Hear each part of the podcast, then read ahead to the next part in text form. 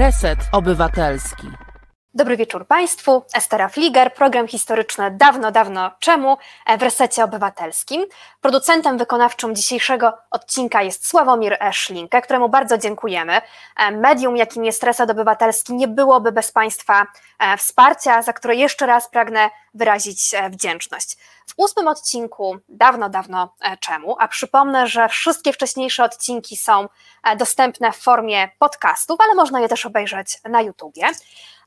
Więc w ósmym odcinku bardzo bogaty e, program. E, zaczniemy od rozmowy z panią Katarzyną Rybką Iwańską o e, pomyśle na opowiedzenie światu polskiej historii przez pryzmat kobiecych postaci historycznej. W drugiej części programu mam coś bardzo specjalnego dla kibiców sportowych, bo z doktorem Sławomirem Szczesio porozmawiamy o tym, jak sport zawsze łączył się w historii z polityką i dużymi pieniędzmi. Na przykładzie między innymi e, Bałkanów, a w trzeciej pro części programu spotkamy się z profesorem Janem Pisulińskim, z którym e, porozmawiamy o akcji Wisła, a więc o wysiedleniu Łemków i e, Ukraińców. Na sam początek pragnę przywitać moją pierwszą rozmówczynię. Jest z nami pani Katarzyna Rybka-Iwańska. Dzień dobry, dobry wieczór. Łączymy się, drodzy Państwo, dzisiaj z odległym Tel Awiwem, więc mam nadzieję też, że trochę słońca wraz z tym e, połączeniem do nas się e, wkradnie, chociaż już widzimy, e, jest i po zachodzie. Dobry wieczór, Pani Katarzyno. Dobry wieczór, bardzo mi miło, dziękuję za zaproszenie. Pani Katarzyna pracuje w ambasadzie Rzeczpospolitej w Tel Awiwie i e, zainicjowała bardzo ciekawe przedsięwzięcie, którego celem jest e, przybliżenie e, polskiej historii zagranicznej publiczności. I tym pomysłem jest prowadzenie kanału na YouTubie w języku hebrajskim, w którym pani Katarzyna opowiada o polskiej historii przez pryzmat postaci kobiecych. Chciałabym zapytać na początek, skąd taki pomysł? Jaki jest jego odbiór? Czy cieszy się to zainteresowaniem? A, mogłabym długo opowiadać. Tylko nie słyszymy. Nie słyszą mnie Państwo? Chyba tak, czy... No. Okej, okay. E, dostaję komunikat, że jestem słyszana, więc e, będę opowiadać. E, zacznę od tego, że mm, to przyszło nam zupełnie naturalnie. Ja pracuję w, zespole ambasady e, RP w Tel Awiwie od 2018 roku, od wakacji e, i w zasadzie od początku naszej komunikacji, e, naszej komunikacji tutaj, naszej pracy w Izraelu mówiliśmy dużo o kobietach i nie jest to pomysł bardzo powiedziałabym unikalny i taki niestandardowy jak na nasze działania w, w ambasadzie RP w Izraelu. I powiem, dlaczego przyszło nam to, e, nam to naturalnie. E, to znaczy, od początku pracowaliśmy na, e, na historiach kobiecych, ale też wsłuchiwaliśmy się mocno w to, co nasza publika tutaj chce, chce usłyszeć. To znaczy, zrobiliśmy badania społeczne dosyć duże w Izraelu. Chcieliśmy wiedzieć, co Izraelczycy myślą o Polsce, o Polakach, jaki jest wizerunek, wizerunek naszego kraju w Izraelu jaki jest wizerunek Polaków, Polek w Izraelu? I zadawaliśmy po prostu naszym e, odbiorcom tutejszym, dzięki oczywiście e, firmie, e, którą wynajęliśmy do przygotowania takich badań, takie badania zrobiliśmy dwukrotnie, opowiadaliśmy, zapytaliśmy naszą publikę o wiele rzeczy, od politycznych po społeczne, kulturowe, kulturalne, religijne, historyczne, współczesne, przyszłościowe. I zapytaliśmy Pytaliśmy też między innymi o to, mm, czy wiedzą, że w Polsce kobiety mogą, mają, kobietom przysługuje płatny roczny urlop macierzyński oraz e, bazując na, e, e, na, na badaniach mm, Grant Thornton, którymi dysponowaliśmy i które już wcześniej wykorzystywaliśmy, zapytaliśmy, czy Izraelczycy wiedzą o tym, że 90% ponad ponad 90% polskich firm ma kobiety w zarządach. I okazało się e, mało zaskakująco, że większość naszych odbiorców o tym nie wie, ale bardzo zaskakująco entuzjastycznie nam odpowiadali, że bardzo chcieliby e, wiedzieć więcej e, i bardzo chcieliby, żebyśmy opowiadali więcej zarówno o tym, jak się kobiety w Polsce mają, jak i żebyśmy opowiadali więcej o tym, jaka jest współczesna Polska, jakie, jak budujemy swoje przewagi gospodarcze, jak budujemy współczesny kraj i przede wszystkim współczesną gospodarkę. Był to taki obszar, który, który postanowiliśmy zagospodarować. Wyników i wniosków z badań było dużo więcej i wokół innych rzeczy również, które wyniknęły z tych badań, staramy się pracować, ale dużo, ale postanowiliśmy właśnie odpowiedzieć na, na ten głos od, od, bada, od badanych, od respondentów. I pomyśleliśmy wówczas o takim bardzo skromnym seminarium poświęconym przedsiębiorczości kobiet, żeby zagospodarować te dwa obszary. Ale jak się rozpędziliśmy, to z tego niewielkiego seminarium zrodziła nam się e, polsko-izraelska konferencja na temat przedsiębiorczości kobiet, którą zrealizowaliśmy we wrześniu 2019 roku. E, konferencja była prawdopodobnie mm, największym albo na pewno jednym z większych przedsięwzięć polskiej ambasady w Izraelu e, na przestrzeni lat. Nie było poświęcone historii, nie było e, poświęcone wspólnej pamięci, tylko było poświęcone przyszłości, znaczy teraźniejszości i przyszłości. Konferencja okazała się dużym sukcesem. Mieliśmy ponad 300 gości, ponad 50 e, panelistów, ponad 20 partnerów, w tym między innymi przede wszystkim Polsko-Izraelską Izbę Handlową, ale też e, między innymi Google, szereg e, miejscowości z nami współpracowało, zarówno polskich, jak i izraelskich. I potem się okazało, że, znaczy po pierwsze, wszyscy tę konferencję nadal pamiętają. ja miałam okazję opowiadać o niej na kilku wydarzeniach jako case study, i opowiadać o tym, jak, jak ją zorganizowaliśmy, bo rzeczywiście było to wydarzenie dosyć nowatorskie w pięknym centrum Peresa w Jafie. Mieliśmy prawie same panelistki, odwrotnie niż, niż zazwyczaj jest, to znaczy na, na 50 panelistów mieliśmy bodaj trzech panów e, i zupełnie odwróciliśmy proporcje. E, I zaczęto, i, i, kiedy opowiadałam o, na różnych wydarzeniach o tej naszej konferencji o przedsiębiorczości kobiet um, jako case study, um, kilka razy zdarzyło mi się um, usłyszeć, że te kobiece sprawy stały się e, waszym znakiem firmowym. E, rzeczywiście dużo jako ambasada robicie, bo to nie była tylko konferencja, robiliśmy dużo więcej i event, e, między innymi pani ambasadorowa Ania działa w Międzynarodowym Klubie Kobiet w Izraelu i zrobiłyśmy myślę, bardzo fajny event poświęcony właśnie Polsce jako Come and Meet My Country z perspektywy kobiecej.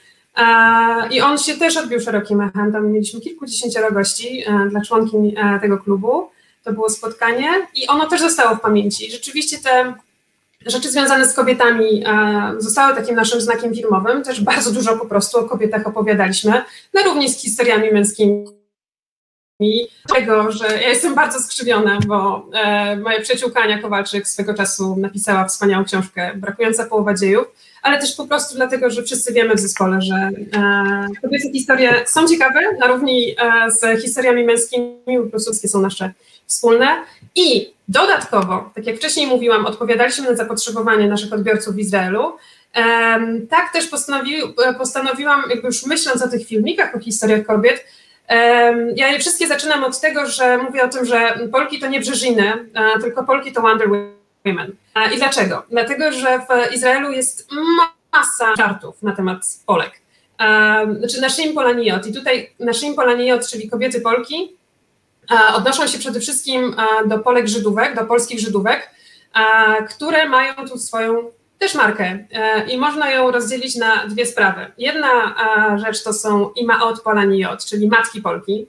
I to nie są takie matki Polki, które my mamy w pamięci z literatury romantycznej, poświęcające swoich synów e, dla walki o niepodległość ojczyzny, tylko to są matki Polki, które myślę wszyscy my też, znaczy może nie wszyscy, bo szkoda generalizować, ale wiele osób myślę nas oglądających może pamiętać ze swoich domów, niekoniecznie żydowskich, ja nie pochodzę z żydowskiego domu. Nasze mamy E, i, i Polki, i Polki, i Polki Żydówki, a okazuje się, że rzucają takimi samymi tekstami, typu to się z płaczem, albo e, zimno mi jak na ciebie patrzę, um, albo mam taki kubek, bo jest tutaj marka Polania, z którą też z właścicielką miałam okazję niedawno się poznać i uwielbiamy się od tego czasu, Polania, która produkuje różne gadżety e, związane właśnie ze stereotypem matki Polki. One są tu bardzo popularne. Ten akurat kubek ma napis, mnie to już nic więcej nie potrzeba. albo no jest, jest dużo takich, które, którymi posługiwały się tutaj matki Polki, czyli matki Żydówki i Polki, e, które my też mamy w swoim języku, bo jeżeli moja mama nas ogląda, to mamo mówisz dokładnie tak samo e, I, i, te żarty są takie wspólne. Jest też druga część tych żartów i, i tutaj przykładów nie będę przytaczać i to są przykłady, to są żarty dotyczące naszym poleniot, żon Polek. I e, żony Polki to są ksantypy, to są wredne baby, to są takie passive-aggressive kobiety, E, izraelskie przede wszystkim żydowskie poczucie humoru nie zna litości. I e, tych żartów rzeczywiście ja słyszałam bardzo dużo od pierwszych dni pobytu tutaj. E, mnie one w ogóle nie śmieszą, ale są obecne w kulturze i są często przywoływane do tego stopnia, że się mówi nie bądź taka polamija, czyli nie bądź taką wredną babą. Więc postanowiłam coś z tym zrobić i nie oburzać się, bo to nie przynosi żadnego efektu, tylko zacząć się tym trochę bawić, e, zacząć rozmawiać ze społeczeństwem obywatelskim na temat tych żartów e, i poopowiadać właśnie o tym, że Polki to nie są, aha właśnie, dlaczego Brzeżiny? E, tu jest taki program kabaretowy ZEUZ, skacze kabaretowe, właśnie na Shim Polaniot, gdzie trzech panów e, wystylizowanych na kobiety, takie mm, też mamy w pamięci takie panie i e, tak wyglądające, czyli włosy na trwałą, na takie bardzo kolorowe, bardzo mocny makijaż, które spotykały się na, na kawie, herbacie, drinku, dyskutowały o swoich mężach, dzieciach i wszystkim innym i grały w karty. E, Skecze się cieszyły bardzo dużą popularnością, weszły w, w, taki kanon kultury tutejszej, do tego stopnia, że kilka lat temu Ministerstwo Finansów zrobiło dużą kampanię edukacyjną poświęconą dbaniu o e, budżet domowy i oparło tę kampanię na tego, e, tego sketchu e, Brzeżynie i Toli. I właśnie utarło się, że Brzeżyna to jest, e, że, że Brzeżyna to jest e, taka typowa. Więc ja mówię, że Polki to nie Brzeżyny, Polkom bliżej do Wonder Woman, bo Gal Gadot też w jednej czwartej e, jest, jest Polką i z tego względu opowiadam o, opowiadam o, o, o, historiach różnych Polek, właśnie Polek, Polek, Polek, Żydówek, Polek, Rosjanek. W planach mamy dużo różnych, um, dużo różnych odcinków, bo chciałabym zaznaczyć, że fajnie by było, gdyby to można było robić samemu, ale tak się nie da, więc ja mam bardzo dużo pomocy ze strony mojej współpracownika L, E, która, jak to się mówi, jest Polania Mea Achus, czyli stuprocentową Polanią, jest polską Żydówką, która e, trochę lat temu zrobiła tu Aliję, czyli przyjechała do, do Izraela i ze mną współpracuje i oczywiście z panią ambasadorową dużo współpracujemy, no i z szefem, wiadomo. E, I pracujemy nad tymi odcinkami, inspirujemy się do, do przedstawiania kolejnych historii i mówiąc e, e, wprost, wydaje mi się, że osiągamy bardzo ciekawe efekty. Ten kanał, który stworzyłam w sierpniu ubiegłego roku, on bazuje na filmikach, które zaczęłam robić w kwietniu 2020, 2020 roku, właśnie wtedy, kiedy zaczęła się korona. Bo ja się czasami śmieję, że ten projekt filmików właśnie zrodził się z rozpaczy dlatego że korona nam zrujnowała wszystkie plany. E, nie mogliśmy nikogo przywieźć, nie mogliśmy nikogo zawieźć do Polski. Mieliśmy w planach bardzo dużą konferencję e, w czerwcu poświęconą 30-leciu relacji polsko-izraelskich i okaże nie zrobimy. Poza tym ja chciałam się dużo lepiej nauczyć hebrajskiego niż wtedy znałam, a wszystkie moje lekcje chodzę do, na kursy hebrajskiego do bardzo fajnej szkoły języka hebrajskiego do Ulpanu mojego przyjaciela Aviva Bertele w Tel Awiwie, ale wszystkie lekcje przeniosły się na Zoom. Było wiadomo, że na ulicy z nikim nie porozmawiam, nie było wiadomo jak długo, więc stwierdziłam, dobrze, trzeba coś z tym zrobić, pokombinować, wszystko złączyć w jedno i nie dawać się i pracować dalej, mimo tego, że z nikim nie możemy się spotkać. No i stworzyć nową platformę do spotkań, do rozmowy, przede wszystkim do rozmowy. E, I tak to wyszło. E, I od tych kilku miesięcy, kiedy już przede wszystkim to działa na YouTubie, a nie tylko na moim prywatnym Facebooku, jak wcześniej, gdzie testowałam e, różne możliwości tych filmików i odbiór ich, okazuje się, że, że właśnie powstała nowa platforma do rozmowy z Izraelczykami. No i do rozmowy, wiadomo, w obszarze, który do najłatwiejszych w naszych relacjach nie należy, czyli często po prostu rozmawiamy o, o wspólnej historii. i wychodzą z tego bardzo ciekawe rzeczy. No właśnie, znalazła Pani niesamowity patent na połączenie e, historii e, ze współczesnością. Ale teraz e, pragnę Panią zapytać o to, no bo w ogóle przydałby się też taki kanał w języku polskim, zwłaszcza, że w podstawie programowej nauczania historii jest bardzo niewiele kobiet. I ja też, ja jestem z Łodzi generalnie i też muszę powiedzieć, że byłam bardzo często zaskoczona, jak kiedy odkrywałam, jak wiele kobiet bardzo ważnych w historii Polski było związane w jakiś sposób z Łodzią, bądź pochodziło z Łodzi. Ja tego wcześniej nie wiedziałam.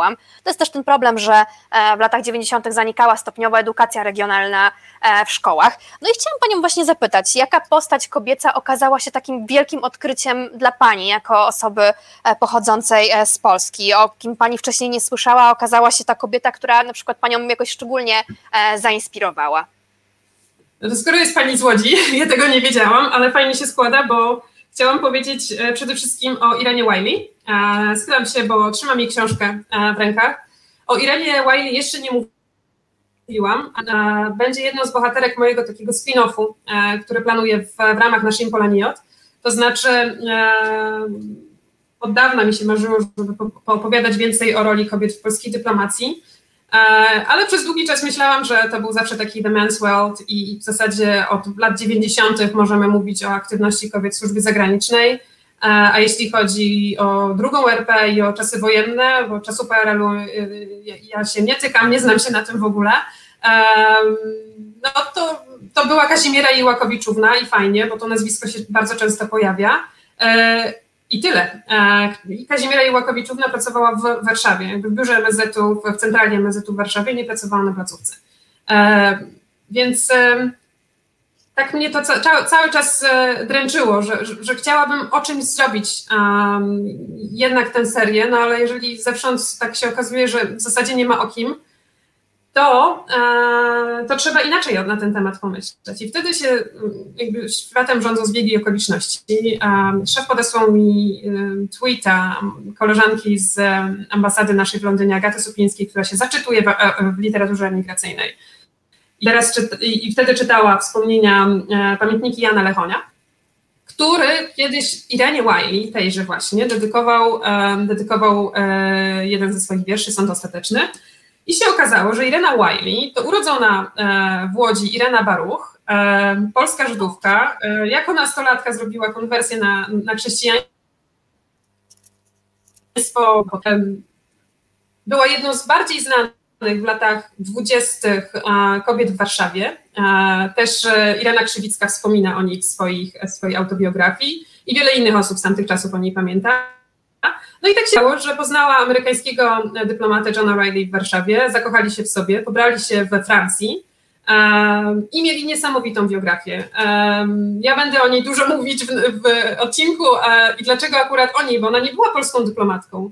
E, była żoną amerykańskiego dyplomaty, e, ale też była Polką w dyplomacji, bo jedną, jedną z rzeczy, które chciałam powiedzieć w tym cyklu, to jest rzucić światło na, mm, na to, że okej, okay, może nie było za dużo e, w historii kobiet jakby na stanowiskach dyplomatycznych, ale tylko dyplomaci wiedzą, jak wielką pracę wykonują małżonkowie i partnerzy dyplomatów. I stwierdziłam, że jeżeli, jeżeli nie da się mówić o o kobietach w dyplomacji, to spróbuję powiedzieć e, o żonach dyplomatów. I tu się otwiera absolutnie ciekawy rozdział. E, dokończę o Irenie, bo Irena Wiley jest e, w czasie, kiedy jej mąż był dyplomatą amerykańskim w Austrii, Adolf Hitler dokonał szlusu Austrii. Oni robili niesamowite rzeczy, żeby powyciągać ludzi z Austrii, która właśnie podlegała Anschlussowi, tym między innymi dać czy wydać wizy jak największej liczbie e, Żydów z, z Austrii.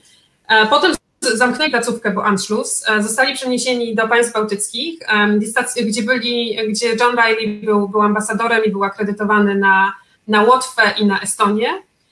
No i stamtąd musieli się ewakuować, kiedy weszli Sowieci. A w międzyczasie zaprzyjaźnili się między innymi z państwem Lajdonerami, Maria Lajdoner z domu Kruszewska um, i, i, i jej mąż. Jej mąż był, nie był prezydentem Estonii, ale e, z racji tego, że prezydent Estonii był wdowcem, Maria Lajdoner pełniła e, funkcję pierwszej damy.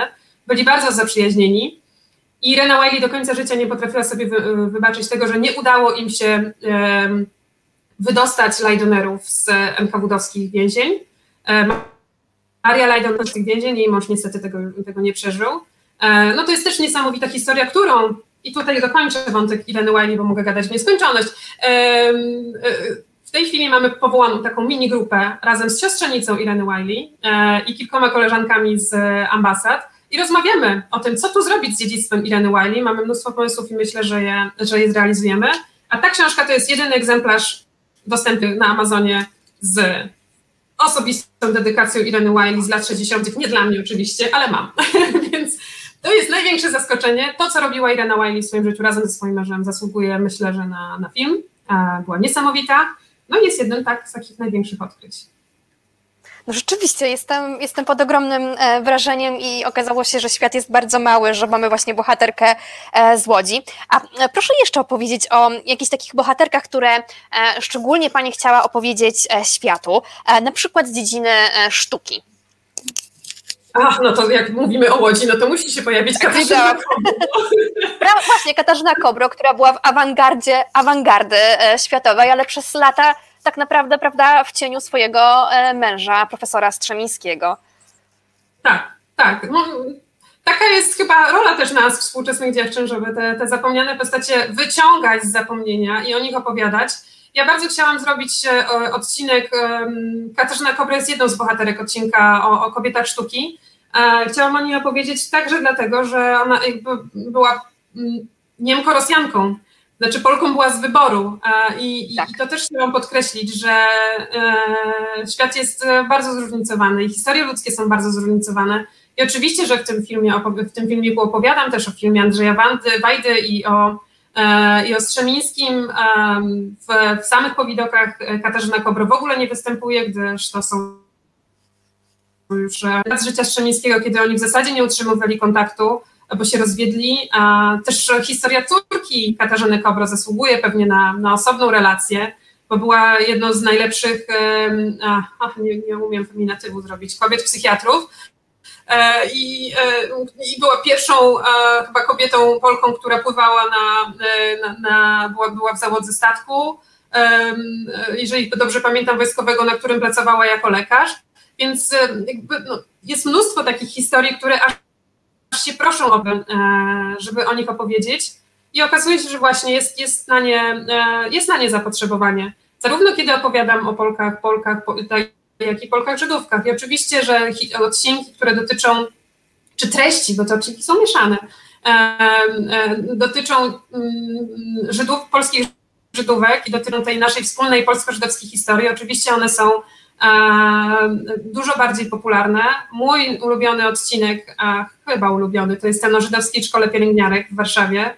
Historia, której nie znałam wcześniej zbyt dobrze, ale gdzieś mi mignął post, nawet nie post, bo pierwszy post w historii chyba to my zrobiliśmy, ale gdzieś mi mignęła historia Racheli Hutner, czyli e, e, jednej z absolwentek tej żydowskiej szkoły pielęgniarek w Warszawie, która w 1939 roku dostała się na stypendium, na stypendium do Wielkiej Brytanii i miała dużo szczęścia, bo tam przeżyła wojnę i po wojnie zakładała zawodowe pielęgniarstwo w Polsce. Była znakomitą postacią. No i tak od słowa do słowa zaczęłyśmy z koleżanką Jael, która zrobiła niesamowicie duży research na temat Luby Bielickiej-Blum, czyli nieustraszonej dyrektorki tej żydowskiej szkoły pielęgniarek, która nawet w getcie jeszcze funkcjonowała do czasów e. E, I się okazało, że jest to odcinek bardzo ciekawy. Teraz mam nadzieję, bo niedługo się spotkamy na przyjęciu narodowym, w Izraelu już można robić przyjęcia narodowe, więc mam nadzieję spotkać się z córką pani Luby Bielickiej-Blum, czyli z nieustraszonej dyrektorki tej szkoły. Córka jeszcze żyje i, i mam nadzieję, że się zobaczymy i poznamy. Mhm. To może jeszcze powiedzmy sobie na koniec kilka zdań, bo e, tegorocznym motywem przewodnim E, rocznicy wybuchu powstania w getcie warszawskim był właśnie udział e, kobiet w walce z bronią w ręku podczas powstania w getcie warszawskim. tak, natomiast my zrobiliśmy serię postów o, powstane, o powstankach już w 2019 roku. I to jest w ogóle też ciekawa historia z, z wielu względów. Ja też zrobiłam filmik o, o żydowskich dziewczynach, które postawiły się okupantowi nie tylko o dziewczynach z powstania w getcie, bo jedną z głównych bohaterek tego mojego odcinka jest Hawka Folman-Raban. Ja o niej pierwsze przeczytałam w książce Marcina Gutowskiego, Święta Ziemia. Hawka Polman-Raban zakładała kibuc Beit Lohamej HKT, była niesamowita, bo miała powiedzmy nieżydowski wygląd, więc była łączniczką żobu i jeździła po Polsce i wpadła niestety w Krakowie w, w, w akcji w kawiarni Montelupich, więc do Auschwitz trafiła, ale jako Polka, nie jako Żydówka. Stamtąd trafiła do Ravensbrück, była wydobywana przez, e, w ramach tej grupy wyciąganej przez hrabiego Folke Bernadotte. E, no i e, jest jedną z moich ulubionych bohaterek i mam w, za dwa tygodnie mam wyjazd do kibucu Bejlohama i Hageta. To oczywiście już byłam nieraz w muzeum, ale teraz będę zwiedzać kibuc i mam nadzieję poznać krewnych i e, e, krewnych Hawki, Folman Raban. E, mam dużo znajomych, którzy z nią pracowali, bo jak, e, robiła dużo podróży do Polski, e, bardzo dużo z Polską współpracowała. Ona była jedną z pierwszych, którzy po wojnie tych ocaleńców z powstania, z powstania w getcie, którzy przyjechali do Palestyny. I jest tego bardzo dużo do zrobienia, do, do opowiedzenia wszystkiego. Dodam tylko, że e, dzięki temu także odwiedziliśmy w tym roku Instytut Żabotyńskiego, e, gdzie nawiązałyśmy też z koleżanką bardzo dobre relacje i naszą serię postów o powstankach z getta uzupełniłyśmy o powstanki e, z Żydowskiego Związku Wojskowego. E, I tak, opowiadamy te historie, bo one są naprawdę, naprawdę niesamowite. Moją osobistą idolką jest Sylwia Lubetkin, um, i, e, którą uważam za jedną z piękniejszych kobiet, które w ogóle kiedykolwiek na zdjęciach widziałam. E, jest, jest, miała niesamowitą historię, ale też miała niesamowitą wnuczkę, o której też opowiadam i którą mam nadzieję też niedługo poznać, bo już możemy się spotykać. Roni Zuckerman, wnuczka właśnie Cywi Lubetkin i Isaka Zuckermana, jest pierwszą izraelską um, lotniczką bojową. I o niej mówię w odcinku o Jadwice Piłsudskiej, Stefanie Wojtulanis i e, Annie Leskiej. Bo chyba miała Bardzo... od tego inspirację. Oczywiście nie, nie, niezwykłe odkrycie. Została Pani właściwie kustoszką e, pamięci e, wielu kobiet reprezentujących różne dziedziny, które też często musiały w swojej epoce dosłownie przebijać sufit i e, torować szlaki e, innym kobietom. I niesamowicie Pani o tym opowiada z olbrzymią e, pasją, więc bardzo Pani dziękuję za wizytę w programie i w ogóle fantastyczny pomysł. Trzymam mocno kciuki za inicjatywę i opowiedzenie właśnie polskiej historii E, izraelskiej publiczności poprzez pryzmat e, kobiet, które absolutnie zasługują na e, uwagę. Jeszcze raz bardzo Pani dziękuję, Pani Katarzyno. Dziękuję bardzo. Do zobaczenia i do usłyszenia.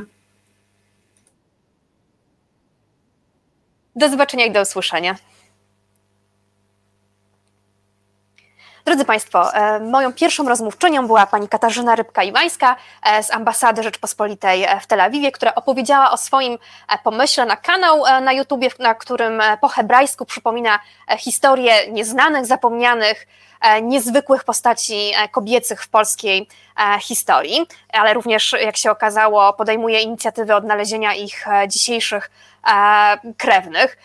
I drodzy Państwo, w drugiej części, po przerwie, porozmawiamy z doktorem Sławomirem Szczesio, o sporcie, e, który łączył się w historii bardzo często e, z polityką, a nie tylko e, wielkimi pieniędzmi, to w kontekście tego pomysłu Superligi, który przez ostatnie dni wzbudzał emocje kibiców na całym świecie, więc pomyślałam, że taki sportowy odcinek historyczny będzie czymś w sam raz dla Państwa. Ale teraz zaproszę na krótką przerwę muzyczną i po tej przerwie wracamy, drodzy Państwo, na ósmy odcinek dawno, dawno czemu. Słuchasz Resetu Obywatelskiego. Reset Obywatelski działa dzięki Twojemu wsparciu. Znajdź nas na zrzutka.pl.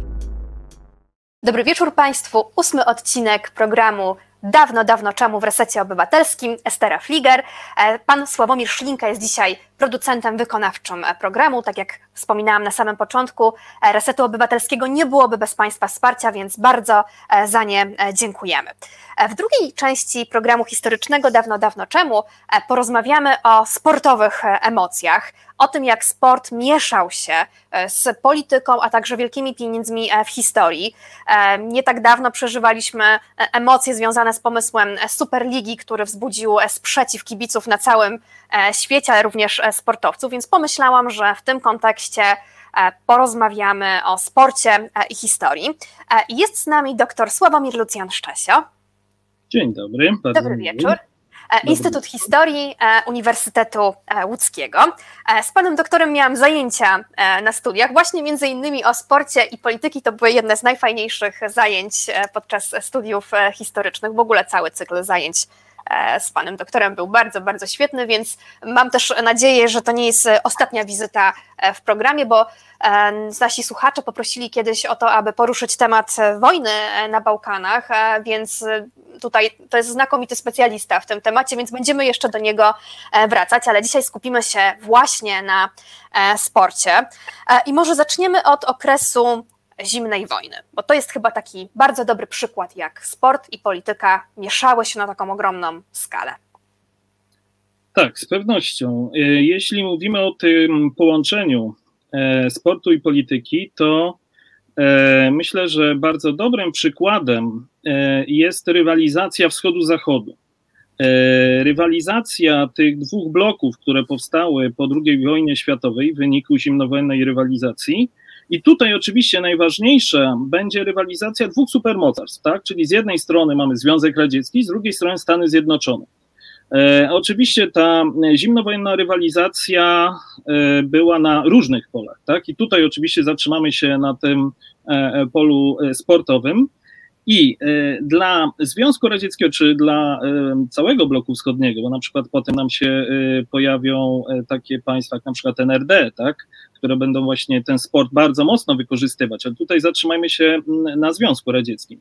Dla Związku Radzieckiego było istotne, aby pokazać wyższość nad tym Zachodem, nad tymi imperialistami, nad kapitalistami, właśnie dzięki rywalizacji sportowej. Tak? Nie możemy, czy na szczęście, nie chcemy wykazać wyższości w wyniku III wojny światowej, pokażmy w wyniku wojny sportowej. Tylko, co ciekawe, e, gdybyśmy na chwilę się zatrzymali w aspekcie e, tej rywalizacji mm, podczas Igrzysk, Igrzysk Olimpijskich, bo pamiętajmy, e, to jest jedna z najważniejszych imprez sportowych. Tak? Dla sportowców to jest swego rodzaju koronowanie ich pracy, często przez wiele lat.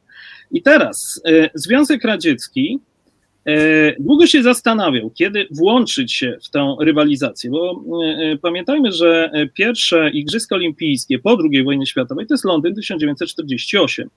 Tam Związek Radziecki, chociaż miał możliwość wystartować, nie wystartował. Jedynie wysłał swoich obserwatorów. E, oczywiście oficjalnie to było dlatego, że nie zdążyli się przygotować i tak dalej, i tak dalej. Natomiast tutaj najważniejsze było to, e, że Związek Radziecki e, chciał dominować chciał wygrywać i dlatego e, przywódcy kraju rad zdecydowali się odczekać kolejne cztery lata, aby uderzyć i wtedy debiutując na kolejnych igrzyskach w 1952 roku, czyli w Helsinkach, e, podczas 15 letnich Igrzysk Olimpijskich, e, jako debiutant zajął od razu drugie miejsce, e, jeśli popatrzymy na, e, na zdobyte medale. I tutaj tak naprawdę od 1952 roku rozpoczyna się ta rywalizacja. Kto będzie lepszy? Stany Zjednoczone czy Związek Radziecki? Oczywiście były też brane pod uwagę różne aspekty, nie tylko medale zdobywane, ale na przykład te najważniejsze miejsca, na przykład sześć pierwszych miejsc, tak? bo oczywiście y, no, w różny sposób możemy przedstawiać i pokazywać, kto jest lepszy, tak? Bo na przykład jak Związek Radziecki nie zajął pierwszego miejsca, to mógł powiedzieć, no ale my mieliśmy tutaj na przykład więcej miejsc tych, tych jeśli chodzi o rywalizację o czołowe pozycje, tak? E, I ta rywalizacja będzie trwała do 1988 roku, do Seulu, bo oczywiście w 1992 roku już Związku Radzieckiego nie będzie, tak? Ale to, to, to jest inny aspekt. Natomiast ta rywalizacja, którą e, będziemy obserwować przez te kilkadziesiąt lat, była bardzo interesująca i może tylko takie kilka przykładów, aby pokazać, jak wyglądała, wyglądało to starcie wschód-zachód. E, Właśnie, Pierwszy... może jakieś dyscypliny szczególnie były takim polem ostrej rywalizacji ognia. Tak, tak, tu szczególnie oczywiście e, e, e, gry zespołowe, tak, czyli chociażby hokej, koszykówka, to były czołowe drużyny, to były prawdziwe starcia, bitwy, tak, moglibyśmy powiedzieć, nawiązując, nawiązując do wojennej nomenklatury. Natomiast chciałbym pierwszy przykład, akurat troszkę może bardziej spokojny, bieg na 3000 kilometrów, e, przepraszam, 3000 metrów e, z przeszkodami właśnie w 1952 roku. Walczą dwaj czołowi zawodnicy. Jeden ze Związku Radzieckiego, drugi ze Stanów Zjednoczonych. E, przedstawiciel kraju rad jest najlepszy. Biegnie, prowadzi zdecydowanie, ale na ostatniej przeszkodzie się przewraca i Amerykanin wygrywa. I smaczek tej rywalizacji, bo dla Amerykanów to był triumf. E, Amerykanin był z FBI, e, przedstawiciel Związku Radzieckiego, był milicjantem. No to można Ha. było pokazać, kto jest lepszy. Nasz jest lepszy, prawda? To jest pierwszy przykład. Drugi przykład, o którym moglibyśmy powiedzieć, to 1972 rok, Monachium, gdzie e, mamy rywalizację właśnie czołowych drużyn, jeśli chodzi o koszykówkę. I starcie jest wyrównane. I mamy 3 sekundy przed końcem. Amerykanie prowadzą 50 do 49. 3 sekundy do końca. U nas ostatnio, e, jakiś czas temu było trochę więcej tych sekund, tak? Tutaj mamy dosłownie 3 sekundy. E, To podobno, e, bo to też nie udało się tego wyjaśnić w 100%. Trener Związku Radzieckiego chciał przerwę. Trwa te, te, te 3 sekundy, tak? Jest, jest odgłos, tak, że koniec meczu, już Amerykanie się cieszą, ale zaraz, zaraz okazuje się, że y, był, była awaria zegara.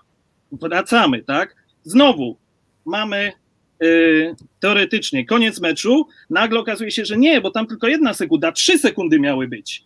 I po raz kolejny Amerykanie już się cieszą, tak? Wygrali. Znowu wracają, trzy sekundy i akcja błyskawiczna, i przedstawiciel Związku Radzieckiego, akcje za dwa punkty, wygrywają. Trzy sekundy, szanowni państwo.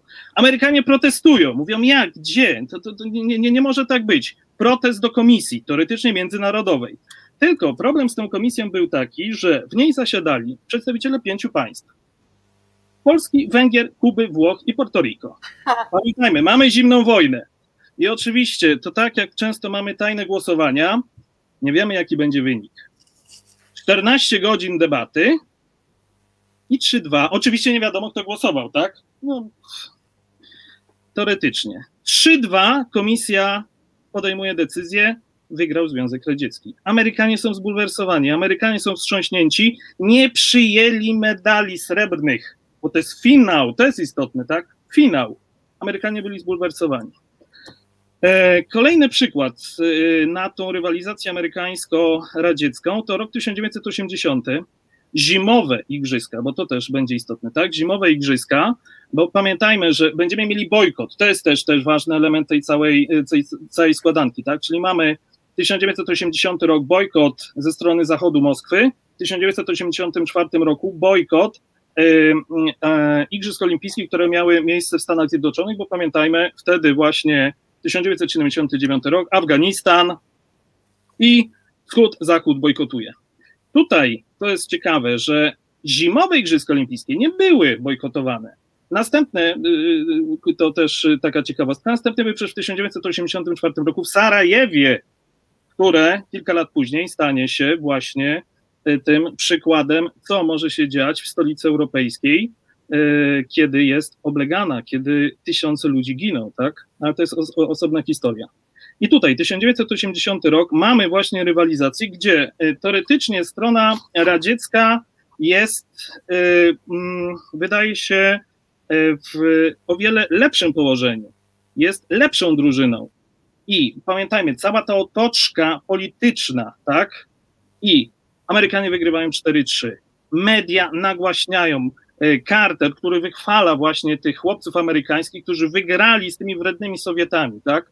Więc to, myślę, kolejny przykład na to, jak e, ta zimnowojenna rywalizacja wyglądała na polu starcia wschód-zachód. Mhm. A teraz właśnie przejdźmy do e, bloku wschodniego. Spójrzmy e, na to, co działo się w bloku wschodnim, bo tutaj sport był często okazją do zademonstrowania e, swojego, swojej niechęci oporu wobec Sowietów przez państwa bloku wschodniego. Jest sporo takich przykładów, no chyba najbardziej symboliczny gest Kozakiewicza w polskiej historii sportu, ale jest ich znacznie więcej, więc gdyby pan Mhm. doktor chciał przybliżyć właśnie ten temat, jak sport i polityka mieszały się już tutaj w środku w bloku wschodnim. Mhm. To myślę, że y, do Polski za chwilkę bym przeszedł do tych ciekawszych przykładów, natomiast myślę, że e, warto powiedzieć o e, przypadku węgierskim.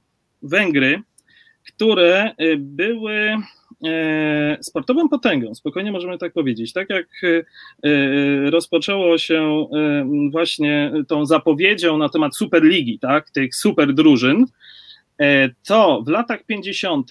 Węgrzy mieli prawdziwy dream team.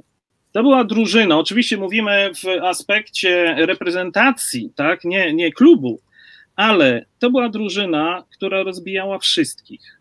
To była złota jedenastka węgierska. To była drużyna, y, którą y, tworzyli jedni z najlepszych wówczas na świecie zawodników na czele z Ferencem Puszkarzem.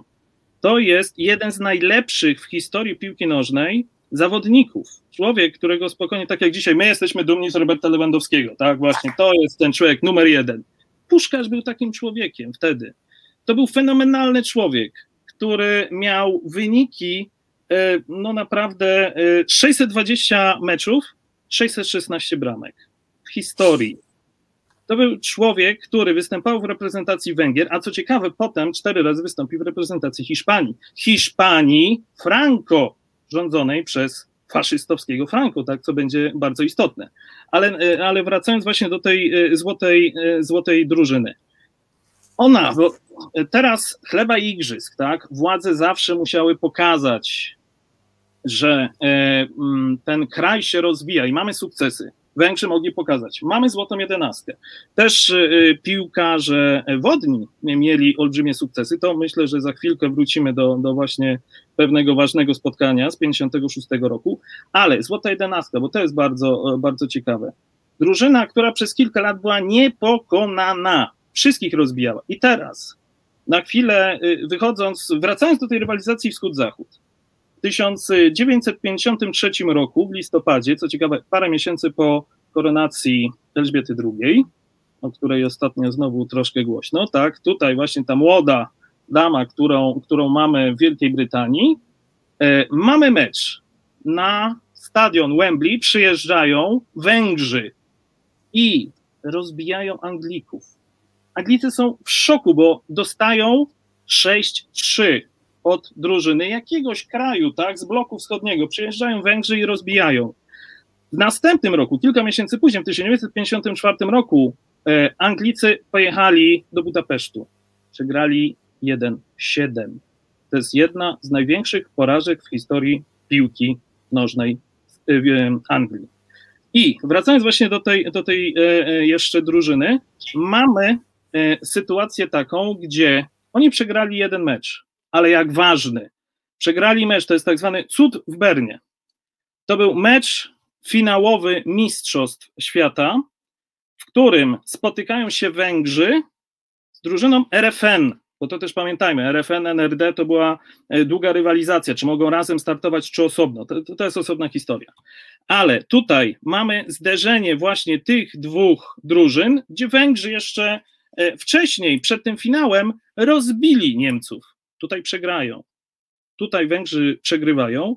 I co ciekawe, właśnie przeskakując później, e, po, tyś, po powstaniu węgierskim 1956 roku, który zaraz nam tutaj musi się pojawić, mamy sytuację taką, gdzie e, część tych piłkarzy Złotej Jedenastki e, wyjeżdża na zachód. I właśnie ten Ferenc Puszkarz, najlepszy piłkarz, zostaje i wyjeżdża do Hiszpanii. To jest istotne. On był majorem wojska węgierskiego, nazywany był latającym majorem, bo był w klubie wojskowym, to tak troszkę jak wtedy y, CWKS Legia, tak, drużyna wojskowa. Tutaj mieliśmy taką sytuację, gdzie został skazany na karę śmierci za dezercję, bo wyjechał do Hiszpanii, tak. E, podobny los, e, czy chęć pozostania dotknie część drużyny węgierskiej w piłkę, no, e, w piłkę wodną. I teraz wracając właśnie do tego, o czym tutaj było wcześniej wspomniane. Mamy powstanie węgierskie, czyli październik, listopad 1956 roku. Związek Radziecki interweniuje, tak? Wkraczają wojska radzieckie do Budapesztu, pacyfikując wystąpienia e, węgierskiej młodzieży, Węgrów, wojska i tak dalej, i tak dalej. Dwa razy Sowieci interweniują pacyfikują krwawo. I krótko po tym, kilka tygodni później, mamy Olimpiadę e, w Melbourne. co ciekawe, jak słyszymy olimpiada listopad, grudzień, to nam się bardziej kojarzy zima, tak? To były letnie igrzyska. I w czasie tych igrzysk trafiają w półfinale na siebie drużyna ZSRR i Węgier. Węgier, którzy, drużyna, która zdawała sobie sprawę, co chwilę wcześniej Sowieci robili w Budapeszcie. Więc y, iskrzy, tak? Publika jest za tymi Węgrami pokrzywdzonymi. I mamy starcie w wodzie, tylko woda niestety nie ochłodziła zawodników i y, kapitan y, drużyny węgierskiej zdobywa dwie bramki, dochodzi już tuż przed końcem, 4-0 Węgrzy prowadzą, i tuż przed dochodzi do starcia, jest uderzony przez zawodnika Związku Radzieckiego i polała się krew. I to jest ta krew w wodzie, tak? Ten sławny mecz, gdzie ten obraz poszedł w świat, kiedy właśnie widzimy, że ten sport bardzo często wiąże się z polityką. I e, mecz został zakończony przed końcem, bo już wynik był ustalony, tak? 4-0, i sędziowie zdawali sobie sprawę, że zaraz dojdzie do. Yy, samosądu, kiedy ci ludzie się rzucili, żeby Sowietom podziękować za Budapeszt, tak? I to y, potem, co ciekawe, w finale Węgrzy wygrywają z Jugosławią 2-1 y, i właśnie część tych zawodników nie wróciła, zdając sobie sprawę, że tam ten y, komunizm Janosza Kadara ich nie interesuje i pozostali na zachodzie. Mhm. E, no to coś o Polsce jak właśnie Polacy na arenie sportowej e, dawali do zrozumienia, iż no nie są entuzjastami e, Sowietów.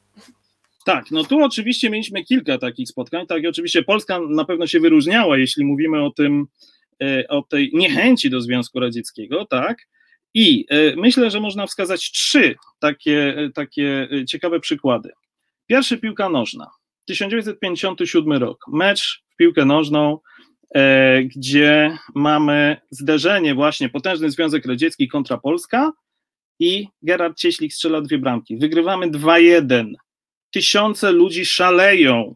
Tak? Gerard Cieślik był wtedy bohaterem. I oczywiście pamiętajmy, musimy to rozróżnić, kiedy mówimy o tym aspekcie y, polskim. Co innego, y, kiedy mówimy oficjalnie o mediach, tak, kontrolowanych przez partię, co innego, kiedy mówimy ten oficjalny głos, a co innego kibice, którzy oczywiście no, mówili trochę więcej niż władza, tak?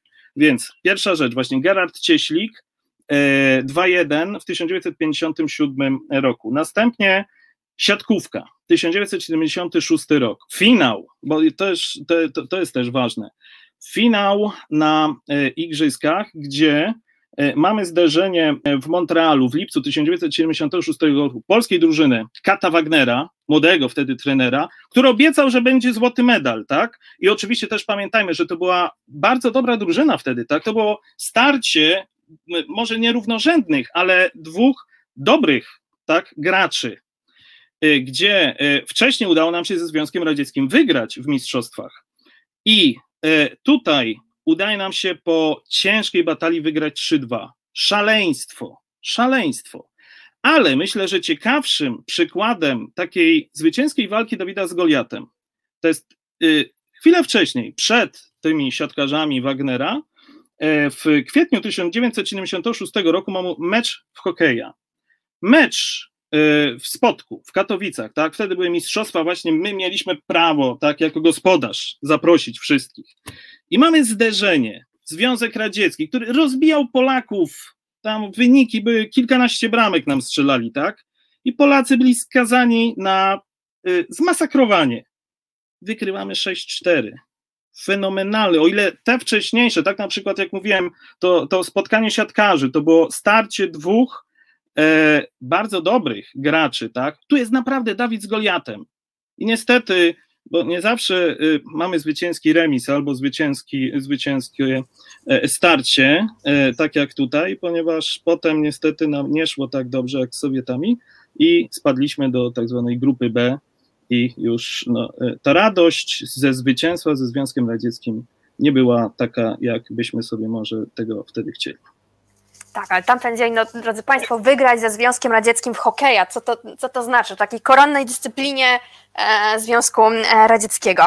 Ale przejdźmy teraz do tej bardzo ciemnej i brutalnej e, strony Mhm. rywalizacji e, sportowej w dobie e, zimnej wojny i podziału Europy przez żelazną kurtynę na dwa bloki, a więc NRD i doping. Tak, no to y, jak już wcześniej wspominałem, y, kwestia niemiecka, y, w ogóle od tego musimy zacząć, że kiedy w 1949 roku zostały utworzone dwa państwa niemieckie, tak, mieliśmy NRD i RFN.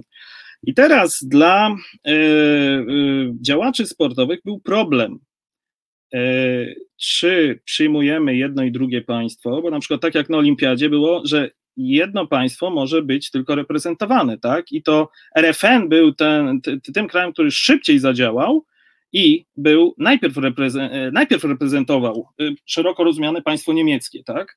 Potem właśnie y, NRD y, stworzyło swój komitet olimpijski, tylko e, przez pewien czas NRD i RFN występowały jako wspólne, tak? Zjednoczone państwo niemieckie.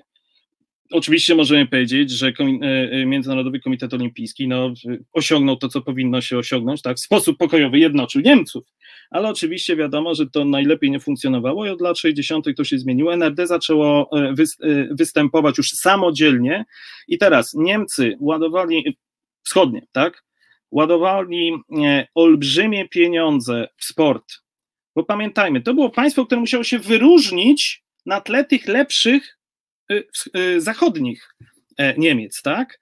Więc inwestowano w sport, osiągano e, olbrzymie e, sukcesy. Jeśli popatrzymy na medale, tylko to był olbrzymi program, za którym stała partia, za którym stało Stasi. To było przygotowywanie, wybieranie małych dzieci, tak, nastolatków, których wybierano i potem szprycowano różnego rodzaju substancjami, doping na masową skalę. To jest coś przerażającego, jeśli popatrzymy, i oczywiście to nie jest nic nowego, tak? Doping do dnia dzisiejszego widzimy doskonale, co się dzieje. Natomiast w NRD tak naprawdę po upadku muru berlińskiego, po upadku e, tej żelaznej kurtyny, e, wiele osób zobaczyło. To było straszne. Kilkanaście tysięcy sportowców, którzy byli poddawani e, zaplanowanej akcji, gdzie ładowano w nich różnego rodzaju substancje, co powodowało, tak, oczywiście olbrzymie, e, e, olbrzymie zmiany. E, To dotykało e, zwłaszcza wielu kobiet, tak, które potem miały różnego rodzaju problemy, choroby. Ci ludzie do dzisiaj mają problemy, czy dzieci nawet, tak, które, które rodzili, to, e, które e, te kobiety rodziły. To było coś przerażającego i to jest istotne, że za tym stało państwo. I ci ludzie często nie byli świadomi, tak? Co ciekawe, bodajże w, dwa, w 2000 roku był proces właśnie e, ludzi e, odpowiedzialnych za to, między innymi ministra sportu w NRD, i skazano chyba, nie wiem, kilkanaście miesięcy, tak?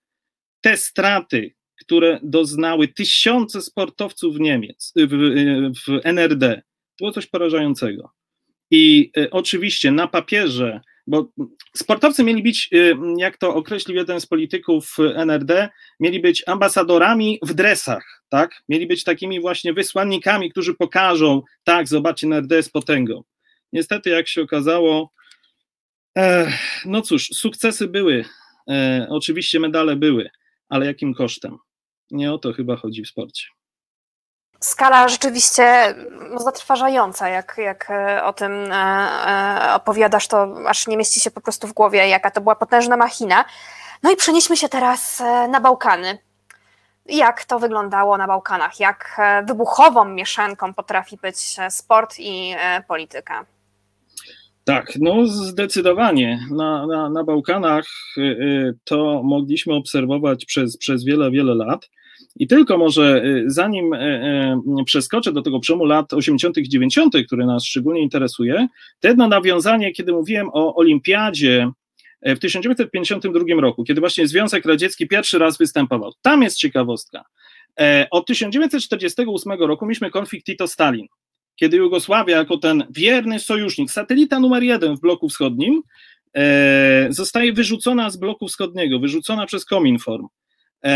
Jest oskarżana najgorsze rzeczy, że to faszyści, tak? Tito jest porównywany do Goebbelsa, Hitlera i tak dalej, i tak dalej. I teraz mamy starcie. Na olimpiadzie trafiają na siebie Związek Radziecki i Jugosławia. Sowieci nawet się zastanawiali, czy podchodzić do tego spotkania. Pierwsze spotkanie się odbyło, remis. Drugie spotkanie wygrywa Jugosławia. To było starcie właśnie polityczne Tito-Stalin w wersji sportowej, tak? Sowieccy piłkarze za to i, i działacze byli ukarani, tak? Dla Jugosławii to był triumf, to był sukces. I e, Jugosławia e, miała bardzo w czasie zimnej wojny miała e, bardzo dużo sukcesów. Mówiliśmy o koszykarzach radzieckich i amerykańskich, tak? Jugosłowiańscy koszykarze też walczyli o medale przez, przez wiele lat. Mieliśmy bardzo dobrych piłkarzy i właśnie tutaj w tym aspekcie sportowym, jeśli chodzi o piłkę nożną, bym się zatrzymał.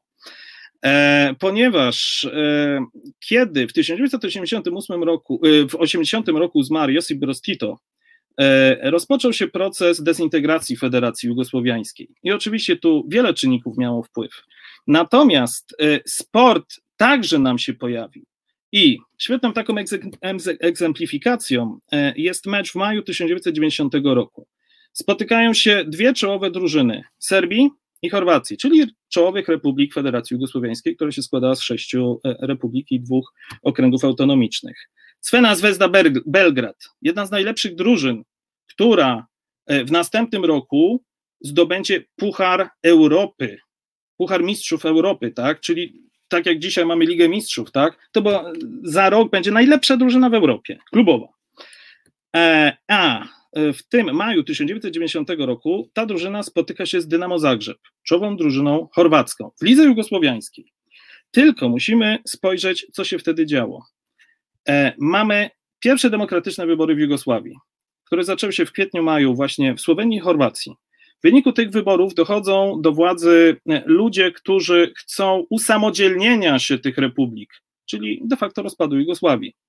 E, inną, e, inny pomysł na przyszłość ma Serbia. I teraz dochodzi właśnie do, tej, do tego meczu iskrzy, od samego początku iskrzy. I co ciekawe, pojawia nam się też pewien człowiek, który jest e, jednym z, z jedną z takich twarzy rozpadu Jugosławii tak zwanych czystek etnicznych. Żeliko Rażnatowicz Arkan. To jest człowiek, y, o którym y, można by godzinami opowiadać, który, y, który zaczynał swoją karierę jako nastolatek napadający starsze panie, potem wyjechał za granicę i rozpoczął, cudzysłów, karierę międzynarodową przestępcy, poszukiwanego w kilku krajach listami gończymi, był na liście Interpolu, 10 najgroźniejszych przestępców, napadał, na banki, e, e, sklepy, tak? Kilka razy był złapany, siedział w więzieniu i za każdym razem uciekał. Przypadek? Nie, to nie był przypadek. On współpracował z wywiadem jugosłowiańskim. Był nazywany, może trochę przesadnie, Jamesem Bondem wywiadu jugosłowiańskiego. Ten człowiek e, zrobił tą międzynarodową karierę. W latach 80. wraca do Jugosławii. Wraca do Jugosławii i kiedy zaczyna się właśnie ten proces dezintegracji, on dostaje zadanie, ma zjednoczyć kibiców właśnie Cweny z Wezdy Belgrad, bo kibice byli bardzo mocno podzieleni. Człowiek, który ma przeszłość takiego bandyty międzynarodowego, z pewnością e, potrafił wpłynąć na kibiców, którzy, no właściwie pseudokibiców, tak? Musimy tu mówić o pseudokibicach. On ich zjednoczył i tutaj właśnie, kiedy w maju 1990 roku dochodzi do tego meczu, on jest, y, dochodzi do starcia kibiców. Piłkarze schodzą i co istotne, tam też dochodzi do takiej ciekawej sytuacji, gdzie y, mm, policjanci, którzy bili jednego z chorwackich kibiców, są zaatakowani przez jednego z piłkarzy chorwackich, Zwonimir Boban, kapitan drużyny chorwackiej, który za to zostanie ukarany, bo on podbiegł i ciosem potraktował jednego z e, policjantów. Za to został ukarany i co ciekawe, on później był jednym z czołowych piłkarzy europejskich. On grał na przykład w AC Milanie. On był e, gwiazdą reprezentacji Chorwacji, która później w 1998 roku osiągnie olbrzymi sukces podczas Mistrzostw Świata we Francji. I e, ten mecz zostaje przerwany, i niektórzy nawet wskazują, że od tego meczu zaczął się rozpad Jugosławii. A Arkan tuż po tym meczu e, będzie dalej prowadził e, działalność, e, która no, niekoniecznie będzie związana ze sportem, tylko tych kibiców zamienił w jednostkę wojskową, w organizację, która była nazywana Tygrysami Arkana. To byli ludzie, którzy zamiast walczyć baseballem, dostawali kałasznikowa, tak? Byli wyszkoleni, dostawali najlepszy sprzęt. Arkan był e, w pewien sposób sponsorowany przez władze serbskie, przez Slobodana Miloszewicza. Dzięki temu powstało, e, powstały e, te właśnie tygrysy Arkana, które będą brały udział w wojnie w Chorwacji w 1991 roku, a najbardziej będą znane z początku wojny w Chorwacji, gdzie będą brały udział w tych tak zwanych czystkach etnicznych gdzie chłopcy Arkana właśnie będą zabijać nie Serbów, Chorwatów i muzułmanów. Więc y, tutaj oczywiście Arkan dzięki temu powiązaniu ze sportem, tak, wykorzystywał, bo oczywiście wśród tygrysów Arkana było wielu pseudokibiców, ale też byli, byli żołnierze armii jugosłowiańskiej, byli żołnierze Legii Cudzoziemskiej, tak, zwykli przestępcy, tak, więc y, tutaj mieliśmy mieszankę wybuchową. I co ciekawe, E, jak już e, wspomniałem, w 1991 roku, tuż przed rozpadem Jugosławii, w maju 1991 roku, czyli właściwie miesiąc przed tym, jak Słowenia i Chorwacja ogłoszą niepodległość, Svena Zvezda Belgrad zostaje najlepszą drużyną w Europie to jest y, no, zaskakujące dla wielu. To chociaż był bardzo brzydki finał, y, gdzie z Olympique Marsylia spotkała się drużyna jugosłowiańska po bezbramkowym remisie, wygrali rzutami karnymi, bardzo brzydki mecz, ale co ciekawe, Arkan po pewnym czasie chciał kupić Svenę Zvezdę Belgrad. Na to władze nie wyraziły zgody. I Arkan wpadł na pomysł, jest bogaty, on dzięki wojnie, dzięki e, różnego rodzaju e, czarnym interesom był jednym z najpotężniejszych ludzi w Serbii. Wpadł na pomysł, no to kupię sobie klub piłkarski. Jak mi nie chcą dać, to ja sobie kupię. Najpierw kupił e, e, taki klubik w Prisztinie, z którym niewiele osiągnął, więc bardzo szybko zdecydował się na kupno innego klubu. To był FK Obilić. I to nam może niewiele mówi, bo jeśli e, e, myślimy piłka nożna i Belgrad, Partizan Belgrad, Svena Zvezda Belgrad, oczywiście mamy trzeci klub, Obilić.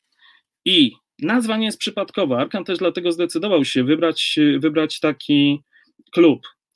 Miloš Obilić to rycerz serbski to możemy troszkę porównać, jak my mamy Zawiszy Czarnego, tak? Milosz Obili w 1389 roku podczas, e, właściwie przed bitwą na Kosowym Polu, przedostał się do obozu tureckiego, zabił sułtana, mając nadzieję, że dzięki temu strona ta antyturecka wygra, tak? Oczywiście zginął od razu. Ale Milosz Obilić e, jest bohaterem dla Serbów. I teraz właśnie mamy klub Obilicia. Ten klub był w drugiej lidze. Arkan go przejmuje, e, błyskawicznie awansuje do pierwszej ligi i od razu zostaje mistrzem. Oczywiście cud, no po raz kolejny niekoniecznie. Co ciekawe, trenerem tej drużyny był niejaki Dragomir Okuka. Ktoś, kto się troszkę sportem interesuje, e, to może sobie przypomnieć, że na początku lat 2000 e, Dragomir Okuka z Legią Warszawa zdobył mistrzostwo Polski. Był też y, między innymi trenerem Wisły, a jakiś czas temu nawet nieźle mu szło w Chinach. I właśnie Dragomir Okuka stał na czele tej drużyny, która wygrywała z wszystkimi. I teraz pytanie, czy była tak dobra? Czy może wpływ na to miało, że wśród y, kibiców Obilicia byli ci ludzie z Tygrysów Arkana, bo to już jest druga połowa lat 90., czyli wojna w Chorwacji, w Bośni się skończyła, tak? Ale jak ci ludzie śpiewali, że jak strzelicie nam bramkę, to wam połamiemy ręce czy nogi, tak? To raczej oni wiedzieli, znali się na tym, tak? Albo Arkan potrafił wchodzić w przerwie do drużyny przeciwnej, no i no powiedzmy, y, zniechęcając do wygranej. No i nagle no, ci piłkarze na jakoś gorzej grali, no i nie wygrywali. Arkan Serce Obiliciem został mistrzem Jugosławii, czyli Serbii Czarnogóry wtedy. I co ciekawe, e, udało mu się zdobyć to mistrzostwo, ale potem występując w pucharach pojawił się problem. E, Międzynarodowa Federacja powiedziała, nie może startować drużyna, gdzie człowiek oskarżony o zbrodnie wojenne będzie prezesem. Zrezygnował. jego następcą została Ceca, czyli jego żona, zwana Madonną Bałkanów. E, gwiazda turbofolku wtedy, tak? Więc nie wiem, no tak jakby dzisiaj na przykład, nie wiem, Doda została prezesem jakiegoś klubu, tak? I w ten sposób drużyna mogła wystartować, ale okazało się, że jak ci piłkarze trafili na Bayern Monachium, gdzie jeszcze nie grał wtedy Robert Lewandowski, no to jednak już ci chłopcy Arkana tak dobrze nie grali i odpadli. A co ciekawe, e, później, e, właśnie kiedy prezesem była Ceca, no okazało się, że mm, no niekoniecznie dobrze prowadziła interesy i, i e, dopuściła się defraudacji na wiele milionów euro, za co została później ukarana. Arkan zginie w 2000 roku, natomiast Ceca właśnie zostanie aresztowana później i między innymi oskarżona o to, że dopuściła się defraudacji E, tylko co ciekawe, no, normalnego człowieka by potraktowano w inny sposób, bo jej groziło chyba nawet do kilkunastu lat więzienia, tak? No ponieważ to była ceca, no nie możemy naszej gwiazdy skazać, tak? To nagle okazało się, że może dostać wyrok, y, gdzie była, y, miała więzienie w warunkach domowych i zapłaciła chyba milion czy półtora miliona euro i w ten sposób no, udało się załatwić z wymiarem sprawiedliwości. Sport, polityka, pieniądze. Bardzo dziękuję. Tak, postawimy tutaj kropkę, ale tak jak wspomniałam na początku, słuchacze dawno, dawno czemu poprosili mnie, żebym w jednym z odcinków poruszyła temat wojny e, na Bałkanach, więc na pewno do pana doktora wrócimy, bo specjalizuje się w tym E, temacie, e, więc już obiecuję dzisiaj, tak, że drodzy Państwo, jeden z odcinków dawno, dawno czemu na pewno poświęcimy e, Bałkanom. Tymczasem bardzo dziękuję. Dr Sławomir Lucjan Szczesio, Instytut Historii Uniwersytetu Łódzkiego, który opowiedział nam dzisiaj o tym, jak mieszały się ze sobą sport, polityka i pieniądze w historii. Jeszcze raz bardzo dziękuję za tą pasjonującą i porywającą opowieść. Dziękuję również i serdecznie pozdrawiam. I do zobaczenia w jednym z kolejnych odcinków. Tak, trzymam, trzymam za słowo i już, już zapraszam, więc bardzo dziękuję. Drodzy Państwo, teraz zaproszę na krótką przerwę, e, zaś po tej przerwie muzycznej spotkamy się z profesorem Janem Pisulińskim e, z Uniwersytetu Rzeszowskiego, który opowie o akcji Wisła. Ona rozpoczęła się 28 kwietnia 1947 roku, więc za kilka dni rocznica i w tym kontekście porozmawiamy o tym e, wydarzeniu. A teraz dosłownie krótka przerwa i widzimy się, drodzy Państwo, po przerwie. Słuchasz Resetu Obywatelskiego. Reset Obywatelski, medium, które tworzysz razem z nami. Komentuj, pisz i wspieraj. Dobry wieczór Państwu. E, ósmy odcinek Dawno, dawno czemu w Resecie Obywatelskim Estera Fliger. E, bardzo dziękuję producentowi wykonawczemu dzisiejszego programu. Nie byłoby resetu, nie byłoby dawno, dawno czemu, gdyby nie Państwa e, wsparcie.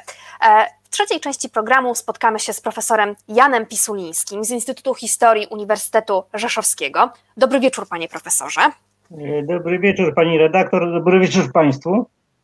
I porozmawiamy dzisiaj o akcji Wisła, która rozpoczęła się 28 kwietnia 1947 roku. I na sam początek zapytam, e, panie profesorze, o genezę akcji. Geneza akcji w zasadzie jest stosunkowo łatwa do ustalenia. E, to znaczy, chciano zlikwidować podziemie ukraińskie, które wciąż funkcjonowało w południowo-wschodniej Polsce, mniej więcej na terenach ówczesnego województwa rzeszowskiego, dzisiaj podkarpackiego oraz województwa e, lubelskiego ówczesnego i w zasadzie pokrywającego się z granicami dzisiejszymi. Także na terenie tych dwóch województw funkcjonowało podziemie ukraińskie, które nie było jakoś liczne. Można je szacować na kilka tysięcy y, osób pod bronią. W sumie to było 17 kompanii, mniej więcej liczebności, około półtora tysiąca ludzi uzbrojonych w lesie, partyzantów, y, drugie tyle siatki cywilnej. E, więc można powiedzieć, w stosunku do podziemia polskiego niepodległościowego nie było ono zbyt liczne, natomiast było ono dotkliwe e, dla miejscowej ludności. Poza tym po rozprawieniu się z polskim podziemiem, głównie za sprawą e, zarówno działań Urzędu Bezpieczeństwa, aparatu bezpieczeństwa, milicji czy wojska, ale, ale także amnesji ogłoszonej w lutym 1947 roku, w wyniku której kilkadziesiąt tysięcy akowców się ujawniło, amnestii, która nie objęła podziemia ukraińskiego, po prostu y, y, y, nagle po pierwsze wojsko miało moce przerobowe, tak można mówić dzisiejszym kolokwialnym językiem. Po drugie była, był problem e, z tym wciąż funkcjonującym podziemiem, które było dużo silniejsze niż ówczesne podziemie polskie, które właściwie dogorywało. I w związku z tym stwierdzono, że przyjdzie pora na rozprawę z podziemiem ukraińskim, z którego dotychczas nie zwalczano zbyt intensywnie, traktując jako problem lokalny. E, ono wprawdzie coraz mniej dawało się we znaki miejscowej ludności, ale jednak funkcjonowało, ginęli ludzie. Niewielu, bo niewielu, e, ale ginęło.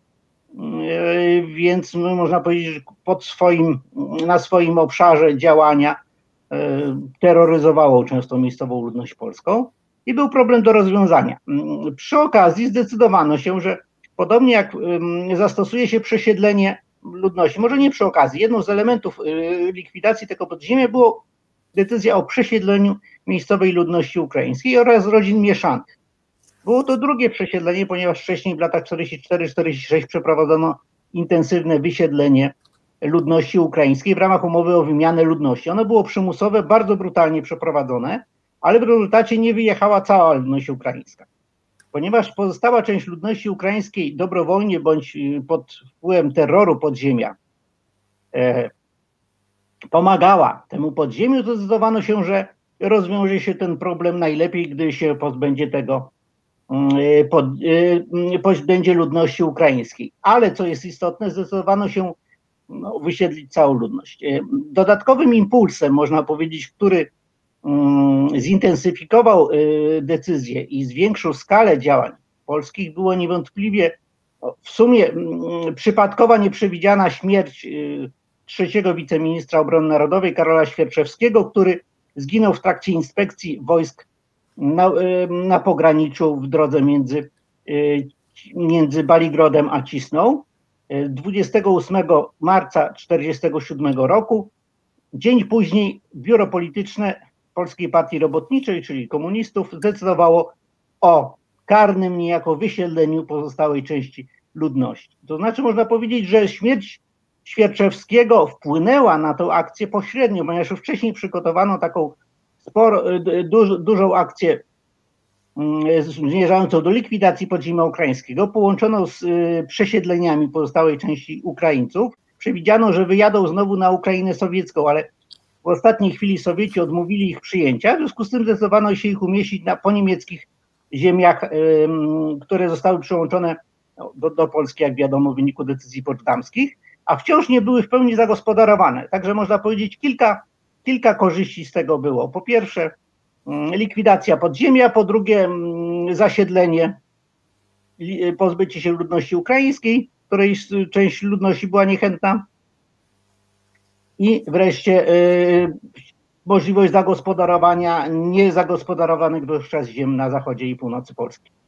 Hmm, czyli takie korzyści y, akcji Wisła widziała e, władza e, ludowa, ale porozmawiajmy może w tym momencie o tym micie, który bardzo często pokutuje i którym próbuje się usprawiedliwiać akcję e, Wisła, że była ona absolutnie niezbędna do, w takim kształcie do pokonania ukraińskiego podziemia. Tak się najczęściej w narracji usprawiedliwia akcję Wisła, która przecież dotknęła cywilów. To znaczy podziemie ukraińskie było rzeczywiście silne, ale pamiętajmy, że z ponad 600 tysięcznej społeczności ukraińskiej, e, mniej więcej takiej w chwili wytyczenia granic, e, pół miliona Ukraińców e, przesielono na Ukrainę sowiecką. Zostało zaledwie 150 do 200 tysięcy. Dlaczego mówimy tak ogólnie? Ponieważ część wróciła nielegalnie potem z tej, z tej wywózki. I teraz była to dużo mniejsza liczebność, liczebnie społeczność, w związku z tym ona stanowiła przede wszystkim zaplecze podziemia ukraińskiego, zaplecze, które już nie wystarczało. Często w związku z tym rabowano wsie polskie i ona, można powiedzieć, bardziej w związku z tym dawała się we znaki, to podziemie, ponieważ nie mogąc zaopatrywać się we wsiach ukraińskich, yy, zabierano żywność yy, i inne zaopatrzenie po wsiach polskich. Od czasu do czasu wykonywano jakieś wyroki śmierci, na ogół jednak na przedstawicielach własnej społeczności uznanych za zdrajców. W sumie w, całym 1947 roku właściwie y, zginęło z rąk podziemia 30 cywili ukraińskich do, do momentu rozpo, od początku roku do momentu rozpoczęcia operacji przeciwko niemu, więc nie była to jakoś w tych czasach szerzącego się bandytyzmu jakaś szczególnie aktywna partyzantka. W dodatku można powiedzieć, wojsko odnosiło coraz większe sukcesy, po części dlatego, że po sfałszowanych wyborach aparat mm, bezpieczeństwa przestał się, znaczy nie musiał się już tak zajmować polskim podziemiem niepodległościowym, bo było słabsze, mówiłem o tym przed chwilą, i po prostu przerzucił się również na zwalczanie podziemia ukraińskiego. W związku z tym te zdwojone siły i coraz intensywniejsze działania przyczyniały się do e, zadawania coraz większych strat podziemiu ukraińskiemu. I można było to w sumie oczywiście kontynuować, tylko że trwałoby to zapewne dużo dłużej. Decydowano się na jedną zdecydowaną, radykalną akcję, tak żeby, jak to określano w planach akcji, rozwiązać ostatecznie problem ukraiński w Polsce. Mhm. Gdzie zapadały decyzje, jakie były e, relacje władz w Warszawie z Moskwą, jeśli chodzi o akcję e, Wisła? Przez lata funkcjonowała hipoteza, że decyzja zapadła w Moskwie. Ona jest w zasadzie, można powiedzieć, uzasadniana była przede wszystkim tym, że w zasadzie najważniejsze decyzje co do tego, co się działo w Polsce, zapadały w Moskwie, ponieważ Moskwa wciąż Moskwa w pełni kontrolowała, można powiedzieć, polskie władze i w związku z tym nie można, nie, nie, trudno było przypuszczać, żeby jakieś decyzje podjęto bez zgody Moskwy. Natomiast czy Moskwa rzeczywiście inspirowała takie działania albo wręcz je nakazała? Nie mamy dotychczas żadnych dowodów na to, żeby nakazała takie działania. E, słabe są też e, nieprzekonujące dowody dotyczące inspirowania tych działań. Są to niebezpośrednie dowody E, sugerujące, że, że na przykład takie rozważania pisma, wystąpienia e, po ukraińskiej, sowieckiej stronie granicy, w której była mowa o tym, żeby dobrze było, żeby Polacy zrobili porządek. A może my nawet nasze wojska zrobiły porządek po polskiej stronie granicy, bo wtedy za bardzo suwerennością Polski się nie przejmowano. Skoro Polacy nie mogą sobie przez dwa lata poradzić z podziemiem. To wiązało się z tym, że w interesie Moskwy, a przede wszystkim w interesie ówczesnych komunistów na Ukrainie, było rozwiązanie problemu y, podziemia ukraińskiego w Polsce. Dlaczego? Dlatego, że podziemie ukraińskie w Polsce y, miało lepsze warunki funkcjonowania wówczas niż podziemie ukraińskie na samej Ukrainie. Tam prawie nie było oddziałów partyzanckich. Najsilniejsze właśnie to zgrupowanie partyzanckie było, były, y, były w Polsce, stąd można powiedzieć, no, były z potencjalnym zagrożeniem. E, ale no jak mówiłem, e, decyzja zapewne zapadła w Polsce. E, są nawet relacje już bezpośrednie o tym, że informowano, alarmowano w Moskwie, jak to zawsze, ponieważ no, można powiedzieć, Moskwa była takim ostatecznym punktem do odniesienia dla komunistów, więc jedni komuniści do drugich, na drugich donosili do Moskwy. I był taki komunista Władysław Wolski, który donosił sowieckiemu przedstawicielowi w Polsce, że oto podejmowana jest decyzja niejako za plecami Moskwy, jak można było zrozumieć, mm, przeciwko, mm, przeciwko zorganizowania akcji przeciwko Ukraińcom. I alarmował o tym, że coś jest to nie do pomyślenia. Z tym, że pamiętajmy o tym, że rzeczywiście ta kontrola moskiewska była na różnych poziomach sprawowana, między innymi poprzez licznych oficerów Armii Czerwonej służących wówczas w Wojsku Polskim, których przynajmniej część, trudno powiedzieć jaka, ponieważ nie mamy dostępu do archiwów, mogła być agenturą sowiecką bezpośrednio i w związku z tym o tym, co się, jakie e, przygotowania podejmowane są przez wojsko, na pewno wiedziano wcześniej. Także Moskwa nie potrzebowała takich informacji, takich doniesień e, i wydaje się, zaaprobowała. To znaczy dopiero w połowie kwietnia formalnie notyfikowano w sposób no, zgodny z protokołem dyplomatycznym podjęcie takiej akcji poproszono stronę sowiecką oraz władze czechosłowackie o zablokowanie granicy, po to, żeby te oddziały z południowo-wschodniej Polski, znajdujące się tym na, właśnie na zbiegu, e, funkcjonujące obok zbiegu trzech granic Polskiej, Polski, Czechosłowacji i Związku Sowieckiego, e, po prostu nie mogły przedrzeć się na Ukrainę, uciec na Ukrainę czy na teren, teren Czechosłowacji. Mhm. Panie profesorze, przy tej okazji jeszcze jedno pytanie, zanim opowiemy o przebiegu akcji e, Wisła. Czy władza komunistyczna jakoś zmieniała zdanie na temat akcji Wisła na przestrzeni lat, jakoś ją oceniła e, po latach? E, to znaczy, oficjalnie nie. To znaczy, w tym, znaczy może nie, przepraszam, może do, dokładniej precyzując, jeśli chodzi o ocenę akcji Wisła, to oczywiście ona była uznana za wielki sukces Zresztą dowództwo armii Wisły, znaczy grupy operacyjnej Wisła, która przeprowadziło tę operację, twierdziło, że zlikwidowano 75% członków podziemia ukraińskiego w Polsce. Rzeczywiście nastąpiła znacząca poprawa. W tym sensie właściwie w ciągu kilku następnych miesięcy doszło do ustania działań partyzanckich w Polsce. E, ale już we wrześniu, można powiedzieć, 1947 roku ogłoszono, że problem ukraiński zostaje rozwiązany i w związku z tym nawet złagodzono pewne elementy polityki wobec e, przesiedleńców, również wobec resztek ludności ukraińskiej, które nie wywieziono, które można liczyć zaledwie na, na kilka tysięcy. Nie zdecydowano się, e, można powiedzieć, w cudzysłowie doczyścić te. Później y, ten ostry kurs wobec ludności ukraińskiej, polegający chociażby na pozbawieniu ich możliwości spełnienia posług religijnych w swoim obrządku, a więc grekokatolickim czy prawosławnym, w niemożności nauczania w języku ukraińskim, czy funkcjonowania organizacji ukraińskiej był stopniowo łagodzony. Już na początku lat 50. wprowadzono nauczanie w języku ukraińskim, to jeszcze za życia Stalina, także można powiedzieć w okresie największej stalinizacji y, złagodzono to postępowanie. Trudno znaleźć tego przyczyny. Być może uznano, że nie, nie stanowi to problemu, jednak nadal zakazywano powrotu przesiedleńcom.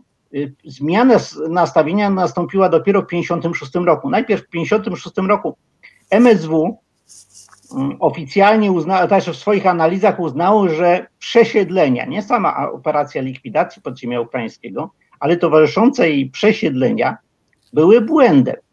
Wynikało to zapewne z tego, że jak przekonano się na, zwłaszcza na terenach górskich, a więc tych najbardziej górzystych obszarach Bieszczad i Beskidu Niskiego, właściwie niemożliwe było funkcjonowanie gospodarki rolnej ze względu na to, że nie było chętnych do osiedlania się tam Polaków i te tereny pozostały opuszczone, niewykorzystane. I to było w sumie w jakimś sensie marnotrawstwo.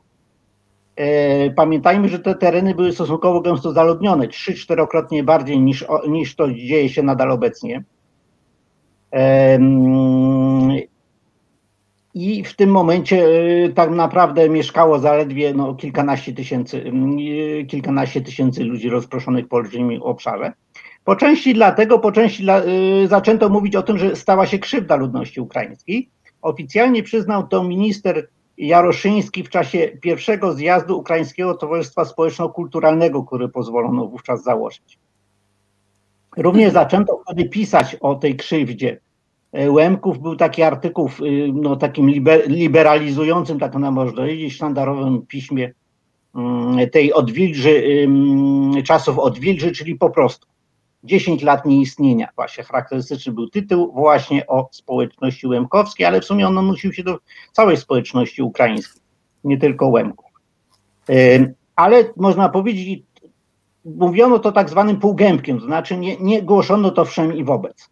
Generalnie e, w propagandzie dominowały obraz tych mm, groźnych, e, groźnych Ukraińców, upowców. O tym powstawały filmy, książki, słynne Uny w Bieszczadach, filmy takie jak Wilczecha i tak dalej, które przedstawiały tych Ukraińców, czy Zerwany Most, które przedstawiały tych Ukraińców w, takim negatywnym yy, świetle. Także można powiedzieć, do 1989 roku raczej podsycano legendę niezłomnego bojownika Karola Świerczewskiego, który zginął zamordowany, yy, a jego yy, morderców przedstawiono w jak najgorszym yy, świetle.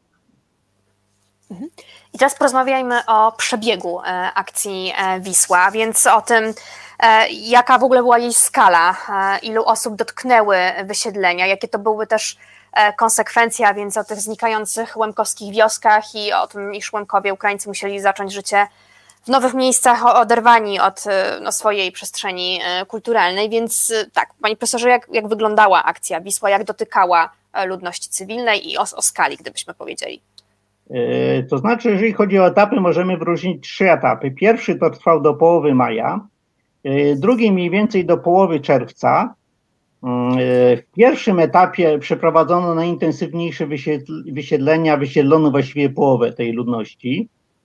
E, prowadzono również intensywne akcje. W drugim etapie działania początkowo ograniczające się tylko do Bieszczad przeniesiono na tereny na zachód i na północ. przede wszystkim koncentrując się na terenach na północ od Przemyśla. Trzecim natomiast etapie od połowy czerwca gro uwagi skierowano na Mm, Lubelszczyzny, gdzie rozpoczęto przesiedlenia wówczas, właściwie od 10 czerwca, ale rozpoczęto akcję, ale intensyfikowano ją wówczas.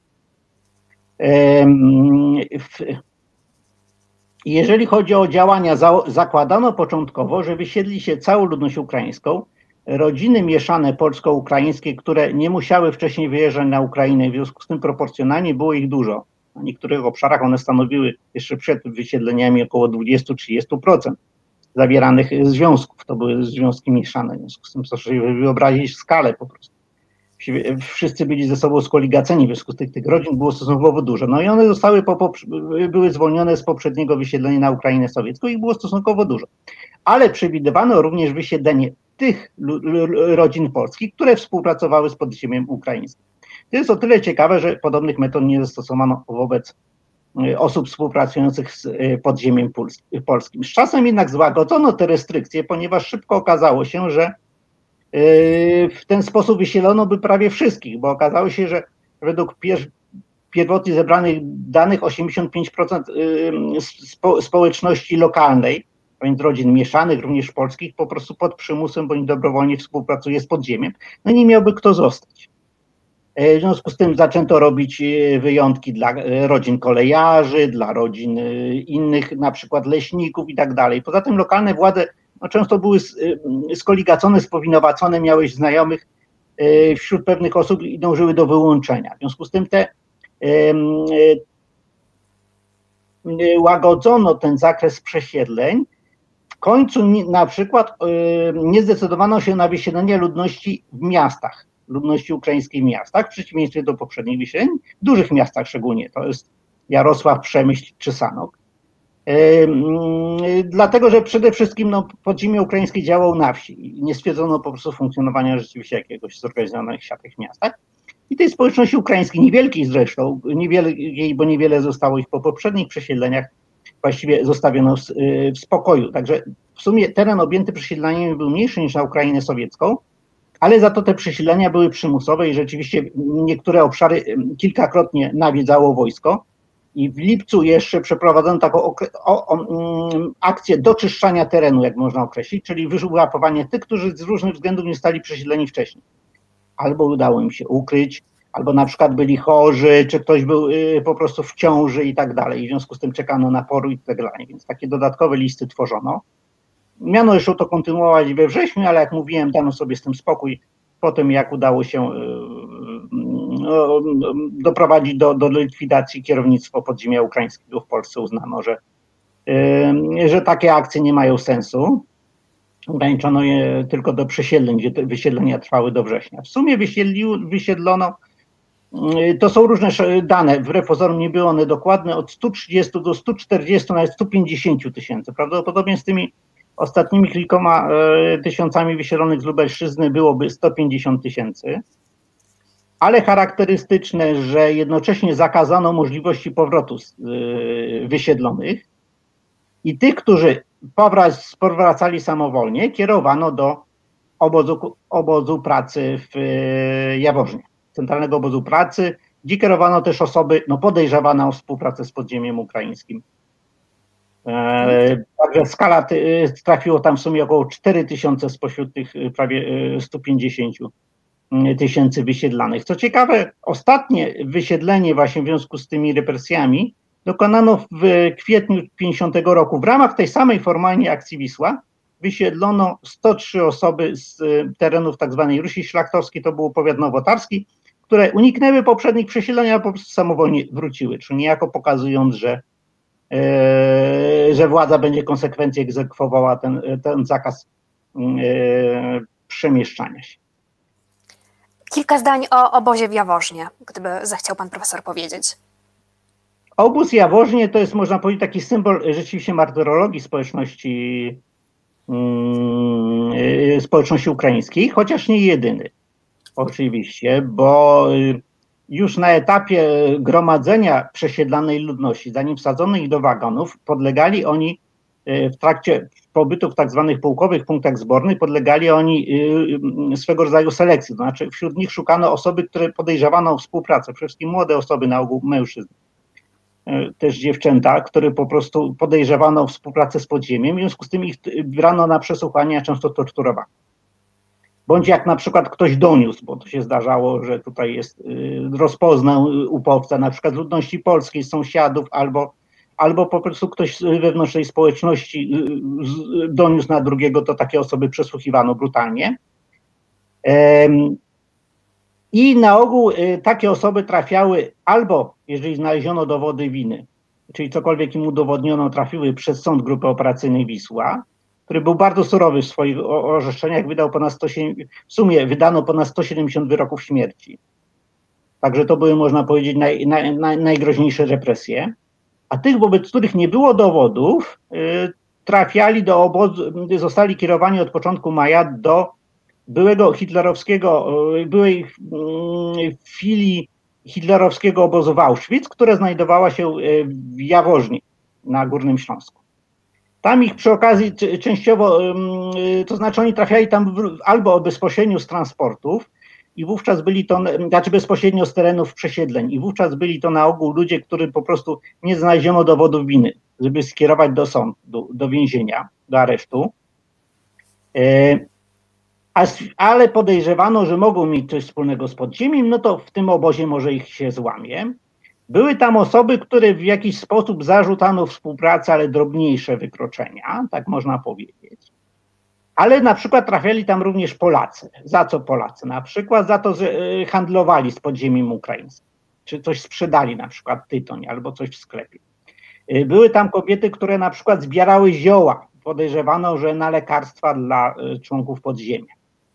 Albo w jakiś inny sposób, albo po prostu rodziny członków podziemia, albo z niewiadomych powodów, bo nie przy wszystkich e, na, za, mm, na listach skierowanych do obozów Jaworznie była odnasacja z jakiego powodu. Ale jak widać, były to osoby bardzo różne. Jak się szybko okazało, zdecydowana większość to były osoby w żaden sposób niezwiązane. Zaledwie spośród 4 tysięcy prawie, które tam trafiło do tego obozu, yy, zaledwie sto kilkadziesiąt chyba postawiono potem przed sądem, czyli cokolwiek udowodniono. Y, już we wrześniu y, komisja wewnętrzna, tam y, złożona z prokuratorów, która badała sytuację, zauważyła, że zdecydowana większość to są osoby niewinne. Tym niemniej one tam dalej przybywały. Zaczęto ich zwalniać dopiero od stycznia 1948 roku.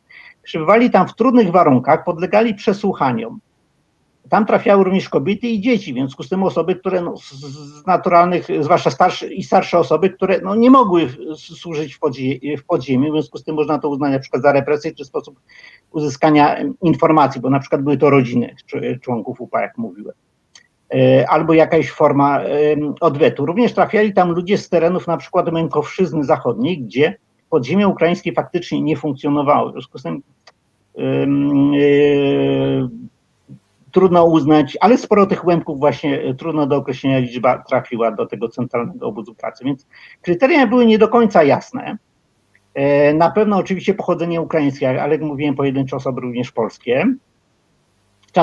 czasami po prostu chciano się pozbyć szybciej kogoś z swoich terenów, albo po prostu, no trudno powiedzieć, e, ktoś w jakiś sposób wcześniej może pojawił się w aktach i tak dalej. W każdym razie tam często brutalnie przesłuchiwano, z powodu trudnych warunków przesłuchań e, w sumie zmarło 161 osób, więc to jest bardzo dużo. E, ten obóz od 1945 roku do 56 służył jako obóz pracy i w tym czasie można powiedzieć ta śmiertelność w okresie, kiedy on był pod kiedy funkcjonował tam podobóz ukraiński, był większy niż, niż w okresie, kiedy na przykład służył on dla tak zwanych Volksdeutsche w latach 45-47 początkowo E, czy później, kiedy był obozem dla młodocianych e, więźniów, no, głównie polityków. Także, e, także można powiedzieć, że traktowano ich, wydaje się z tego powodu traktowano ich brutalnie. Tam trafiło między innymi 26 duchownych prawosławnych i katolickich. Także mm, wbrew temu, co się czasami pisze, to nie było tak, że tam trafiała specjalnie inteligencja, że ona była skierowana tam. Zdecydowana większość to byli chłopi, a na przykład nie, właśnie sporą część inteligencji właściwie zostawiono w spokoju, chociaż sporządzono listy. Mam wrażenie, że po prostu nie zdecydowano się, można powiedzieć, dano sobie spokój z, z tymi dalszymi represjami, choć w pewnym momencie, gdzieś tak we wrześniu, październiku, mm, chociaż miano listy tak zwane proskrypcyjne, zebrano listy właśnie wszystkich osób należących do inteligencji ukraińskiej, ale nie ma informacji, żeby, żeby one trafiły potem, większość tych ludzi trafiła do Jaworzna. Mhm. Ten obóz e, widział Sławomir Mrożek, prawda, z okien e, pociągu i e, opisał to, został ślad w jego twórczości po tym wstrząsającym widoku, ale chciałam jeszcze dopytać konkretnie o społeczność łemkowską. Co dla społeczności łemkowskiej oznaczała akcja Wisła? To znaczy społeczność łemkowska, można powiedzieć, była zaskoczona. Dlaczego? Że E, dlatego, że zwłaszcza na zachodniej i środkowej Łemkowszczyźnie, tam gdzie nie, prawie nie działało podziemie ukraińskie, bo miał stosunkowo niewielkie poparcie, e, nie przeprowadzono przymusowego przesiedlenia. E, spora część Łemków, tak mniej więcej od Dukli na zachód, w zdecydowanej większości nie czuła się Ukraińcami. To była taka społeczność rzeczywiście grekokatolicka, jeżeli chodzi o obrządek, mówiąca dialektem języka ukraińskiego, ale takim klinem y, funkcjonująca między Polską a ziemiami zamieszkanymi przez Polaków i Słowaków. I ona się czuła rzeczywiście częścią jakiegoś społeczności ruskiej, ale ta tożsamość ukraińska tam się nie wykrystalizowała w okresie międzywojennym. Oni byli bardzo konserwatywni, nazywali się Rusnakami, ta nazwa Łemkowie przy, mm, przymlgnęła do nich później, bo sami się nazywali Rusnakami. I jeżeli się czuli z kimś życi, to raczej z tymi pobratnicami rusińskimi z południowej słowackiej strony y, Karpat. W związku z tym oni się czuli nie Ukraińcami, nie czuli się Ukraińcami, w związku z tym nie rozumieli kompletnie dlaczego w większości, dlaczego są oni represjonowani za jakiś upas, za jakiś wołyń, za jakieś coś. Są oni jakimiś banderowcami. Nie, nie wszyscy nie słyszeli nawet o banderze i tak dalej. W związku z tym oni się czują, można powiedzieć, czuli się skrzywdzeni niewinnie. To nie znaczy oczywiście, że społeczność ukraińska też nie czuła e, skrzywdzona niewinnie, natomiast mówię, że tutaj po prostu to by było bardziej zdziwienie niż, niż, tylko poczucie krzywdy. E, zwłaszcza, że rzeczywiście społeczność łemkowska była na ogół lojalna wobec państwa polskiego, pomimo pewnych prób e, niezawisłości na początku II Rzeczpospolitej to potem na przykład w czasie okupacji hitlerowskiej pomagała w przerzutach y, polskich żołnierzy i oficerów y, na tak zwane Górne Węgry, czyli dosłownie za granicę, y, niedaleko przez Słowację. Współpracowała z AK w tym zakresie, była zresztą z tego powodu represjonowana. Tam silne poparcie poza tym mieli komuniści. I taki włościańsko-robotniczy komitet Łemkowszczyzny założony na początku 1945 roku po wyzwoleniu tych terenów spod okupacji hitlerowskiej przez miejscowych komunistów miał y, w ciągu miesiąca właściwie z, um, osiągnął liczbę 3000 członków. Każdej wsi w zasadzie miał swoich ludzi. I ten włościańsko-robotniczy komitet Łemkowszczyzny to właściwie tworzyli komuniści. Zresztą wcześniej Łemkowie y, współtworzyli PPR, Wśród nich przebywał między innymi na pierwszych zebraniach, ponieważ oni tworzyli człon krośnieńskiej organizacji PPR, tam przebywał Władysław Gomułka, który próbował bezskutecznie nawet wstawiać się za nimi potem. E, także można powiedzieć, oni nie rozumieli, dlaczego oni komuniści, którzy wstępują do milicji, wstępują do UB, niektórzy, bo były i takie przypadki, e, funkcjonariusze UB e, pochodzenia łemkowskiego, dlaczego są w ten sposób represjonowani. Także przypadek Łemkowski, można powiedzieć, był, był, był trochę, można powiedzieć, pewną aberracją ze strony władzy. Znaczy, za funkcjonowanie podziemia ukraińskiego, które liczyło kilkadziesiąt osób, ukarano wywózką 30 tysięcy. I to nawet na, jak na, na system odpowiedzialności zbiorowej komunistycznej było y, dość nietypowe. Zresztą można powiedzieć, tutaj było najwięcej wahań wśród kierownictwa komunistycznego, bo spora część z nich miała znajomych tak naprawdę. Ich bronił nie tylko Gomułka, pierwszy sekretarz mm, partii mm, komunistycznej w Rzeszowie jeszcze w 1945 roku. Stefan Hanysz, także e, ten, tym niemniej właśnie objęto ich, no, o, o, objęto ich przesiedleniem, zresztą wbrew pierwotnym tym założeniom akcji właśnie tą decyzją y, y, biura politycznego Komunistycznej Partii, znaczy Polskiej Partii Robotniczej z tego 29 marca i dość konsekwentnie, dość konsekwentnie to wykonywano. Także oni się czuli wyjątkowo, można powiedzieć, nie, cierpieli tak samo, natomiast po prostu ich odczucia były w ogóle trochę, trochę inne po prostu niż reszty społeczności ukraińskiej, która oczywiście też, też sporo wycierpiała. I moje ostatnie pytanie o miejsce akcji Wisła w pamięci e, współczesnych Ukraińców oraz Łemków. E, to znaczy, miejsce, e, miejsce akcji Wisła to zależy też od o, o, o których Ukraińcach, to znaczy można powiedzieć na Ukrainie dzisiejszej. Ono często akcja Wisła jest utożsamiana z całym, ze wszystkimi przesiedleniami, więc również poprzednimi przesiedleniami, poprzednimi deportacjami, na Ukrainę sowiecką prowadzonymi wcześniej, w latach 44-46. Chociaż były to odrębne akcje jednak, znaczy związane tym przede wszystkim, kto był przedmiotem tej akcji, czyli, czyli że to była ludność ukraińska i to, że no, w tle była właśnie to podziemie ukraińskie. Więc często mówi się o akcji Wisła, łącząc te przesiedlenia niejako. Mm, e, ale Ostatnio może trochę więcej się o tym na ten temat mówi, natomiast w Ukrainie generalnie mówi się o akcji Wisła, ale jednak jest to stosunkowo mało znane wydarzenie, zwłaszcza po, poza zachodnią Ukrainą. Ostatnio jest więcej się o tym mówi, za czasów Poroszenki prowadzono oficjalne obchody. Prawie powstały liczne takie organizacje tych przesiedlonych. Y, y, po odzyskaniu przez Ukrainę niepodległości one prowadziły różne konferencje, spotkania i tak dalej, ale to nie przybiło się opinii publicznej. Z kolei po, po, naszej stronie granicy, tak można powiedzieć, społeczności ukraińskiej żyjącej w Polsce, mniejszości ukraińskiej, ta akcja Wisła przesłania w ogóle wcześniejsze przesiedlenia, mimo że jest paradoksalnie przeprowadzono ją lepiej, jakby była ona lepiej zorganizowana, w związku z tym te cierpienia były też mniejsze i liczba ofiar była mniejsza wśród ludności cywilnej. E, poproszę sobie wyobrazić, że ofiary wcześniejszych deportacji i działań wojska związanych z tym, no można liczyć na setki przykłady zbrodni w Zawadce Morochowskiej dokonanej przez Zyskowych. Tutaj już takich zbrodni nie było. Oficjalne, ja udało mi się uzyskać informacje o śmierci kilku zaledwie osób. Razem z jakimiś wypadkami to byłoby kilkanaście osób, które zginęły. W wypadkach mam, mam na myśli na przykład, że ktoś wpadł pod pociąg po prostu.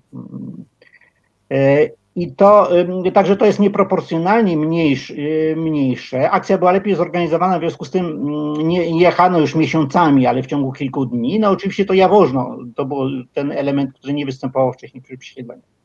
Tym niemniej ta akcja Wisła, można powiedzieć, przesłoniła w zasadzie wcześniejsze przesiedlenie. Jest takim punktem y, kulminacyjnym y, prześladowań mniejszości ukraińskiej według nich.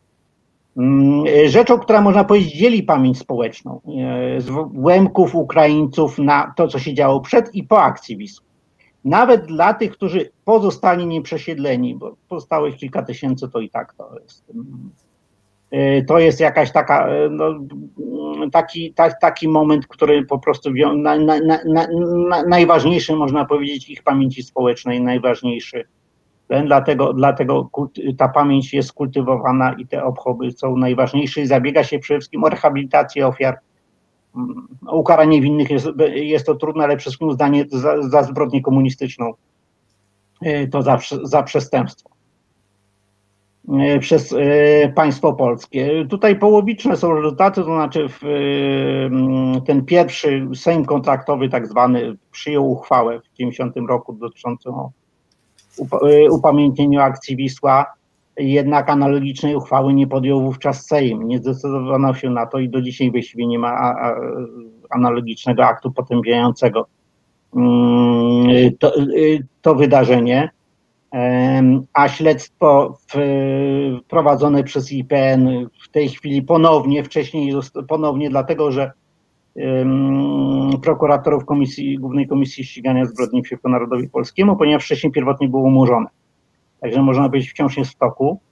Mm, I, i, i tak się, taka sytuacja istnieje od kilku, kilku dobrych e, lat. E, ostatnio również, no, można powiedzieć, mniejszość ukraińska stała się trochę zakładnikiem polityki państwa polskiego. To znaczy, póki Ukraińcy nie daje się im do zrozumienia, że póki y, państwo ukraińskie, Ukraińcy na Ukrainie dzisiejszej niepodległej Ukrainy nie potępią, nie, nie uznają zbrodni ludobójstwa na Wołyniu, to mm, nie będziemy na przykład przeznaczali, nie będziemy finansowali, jak to się stało w 2017 roku, nie będziemy finansowali chociażby obchodów.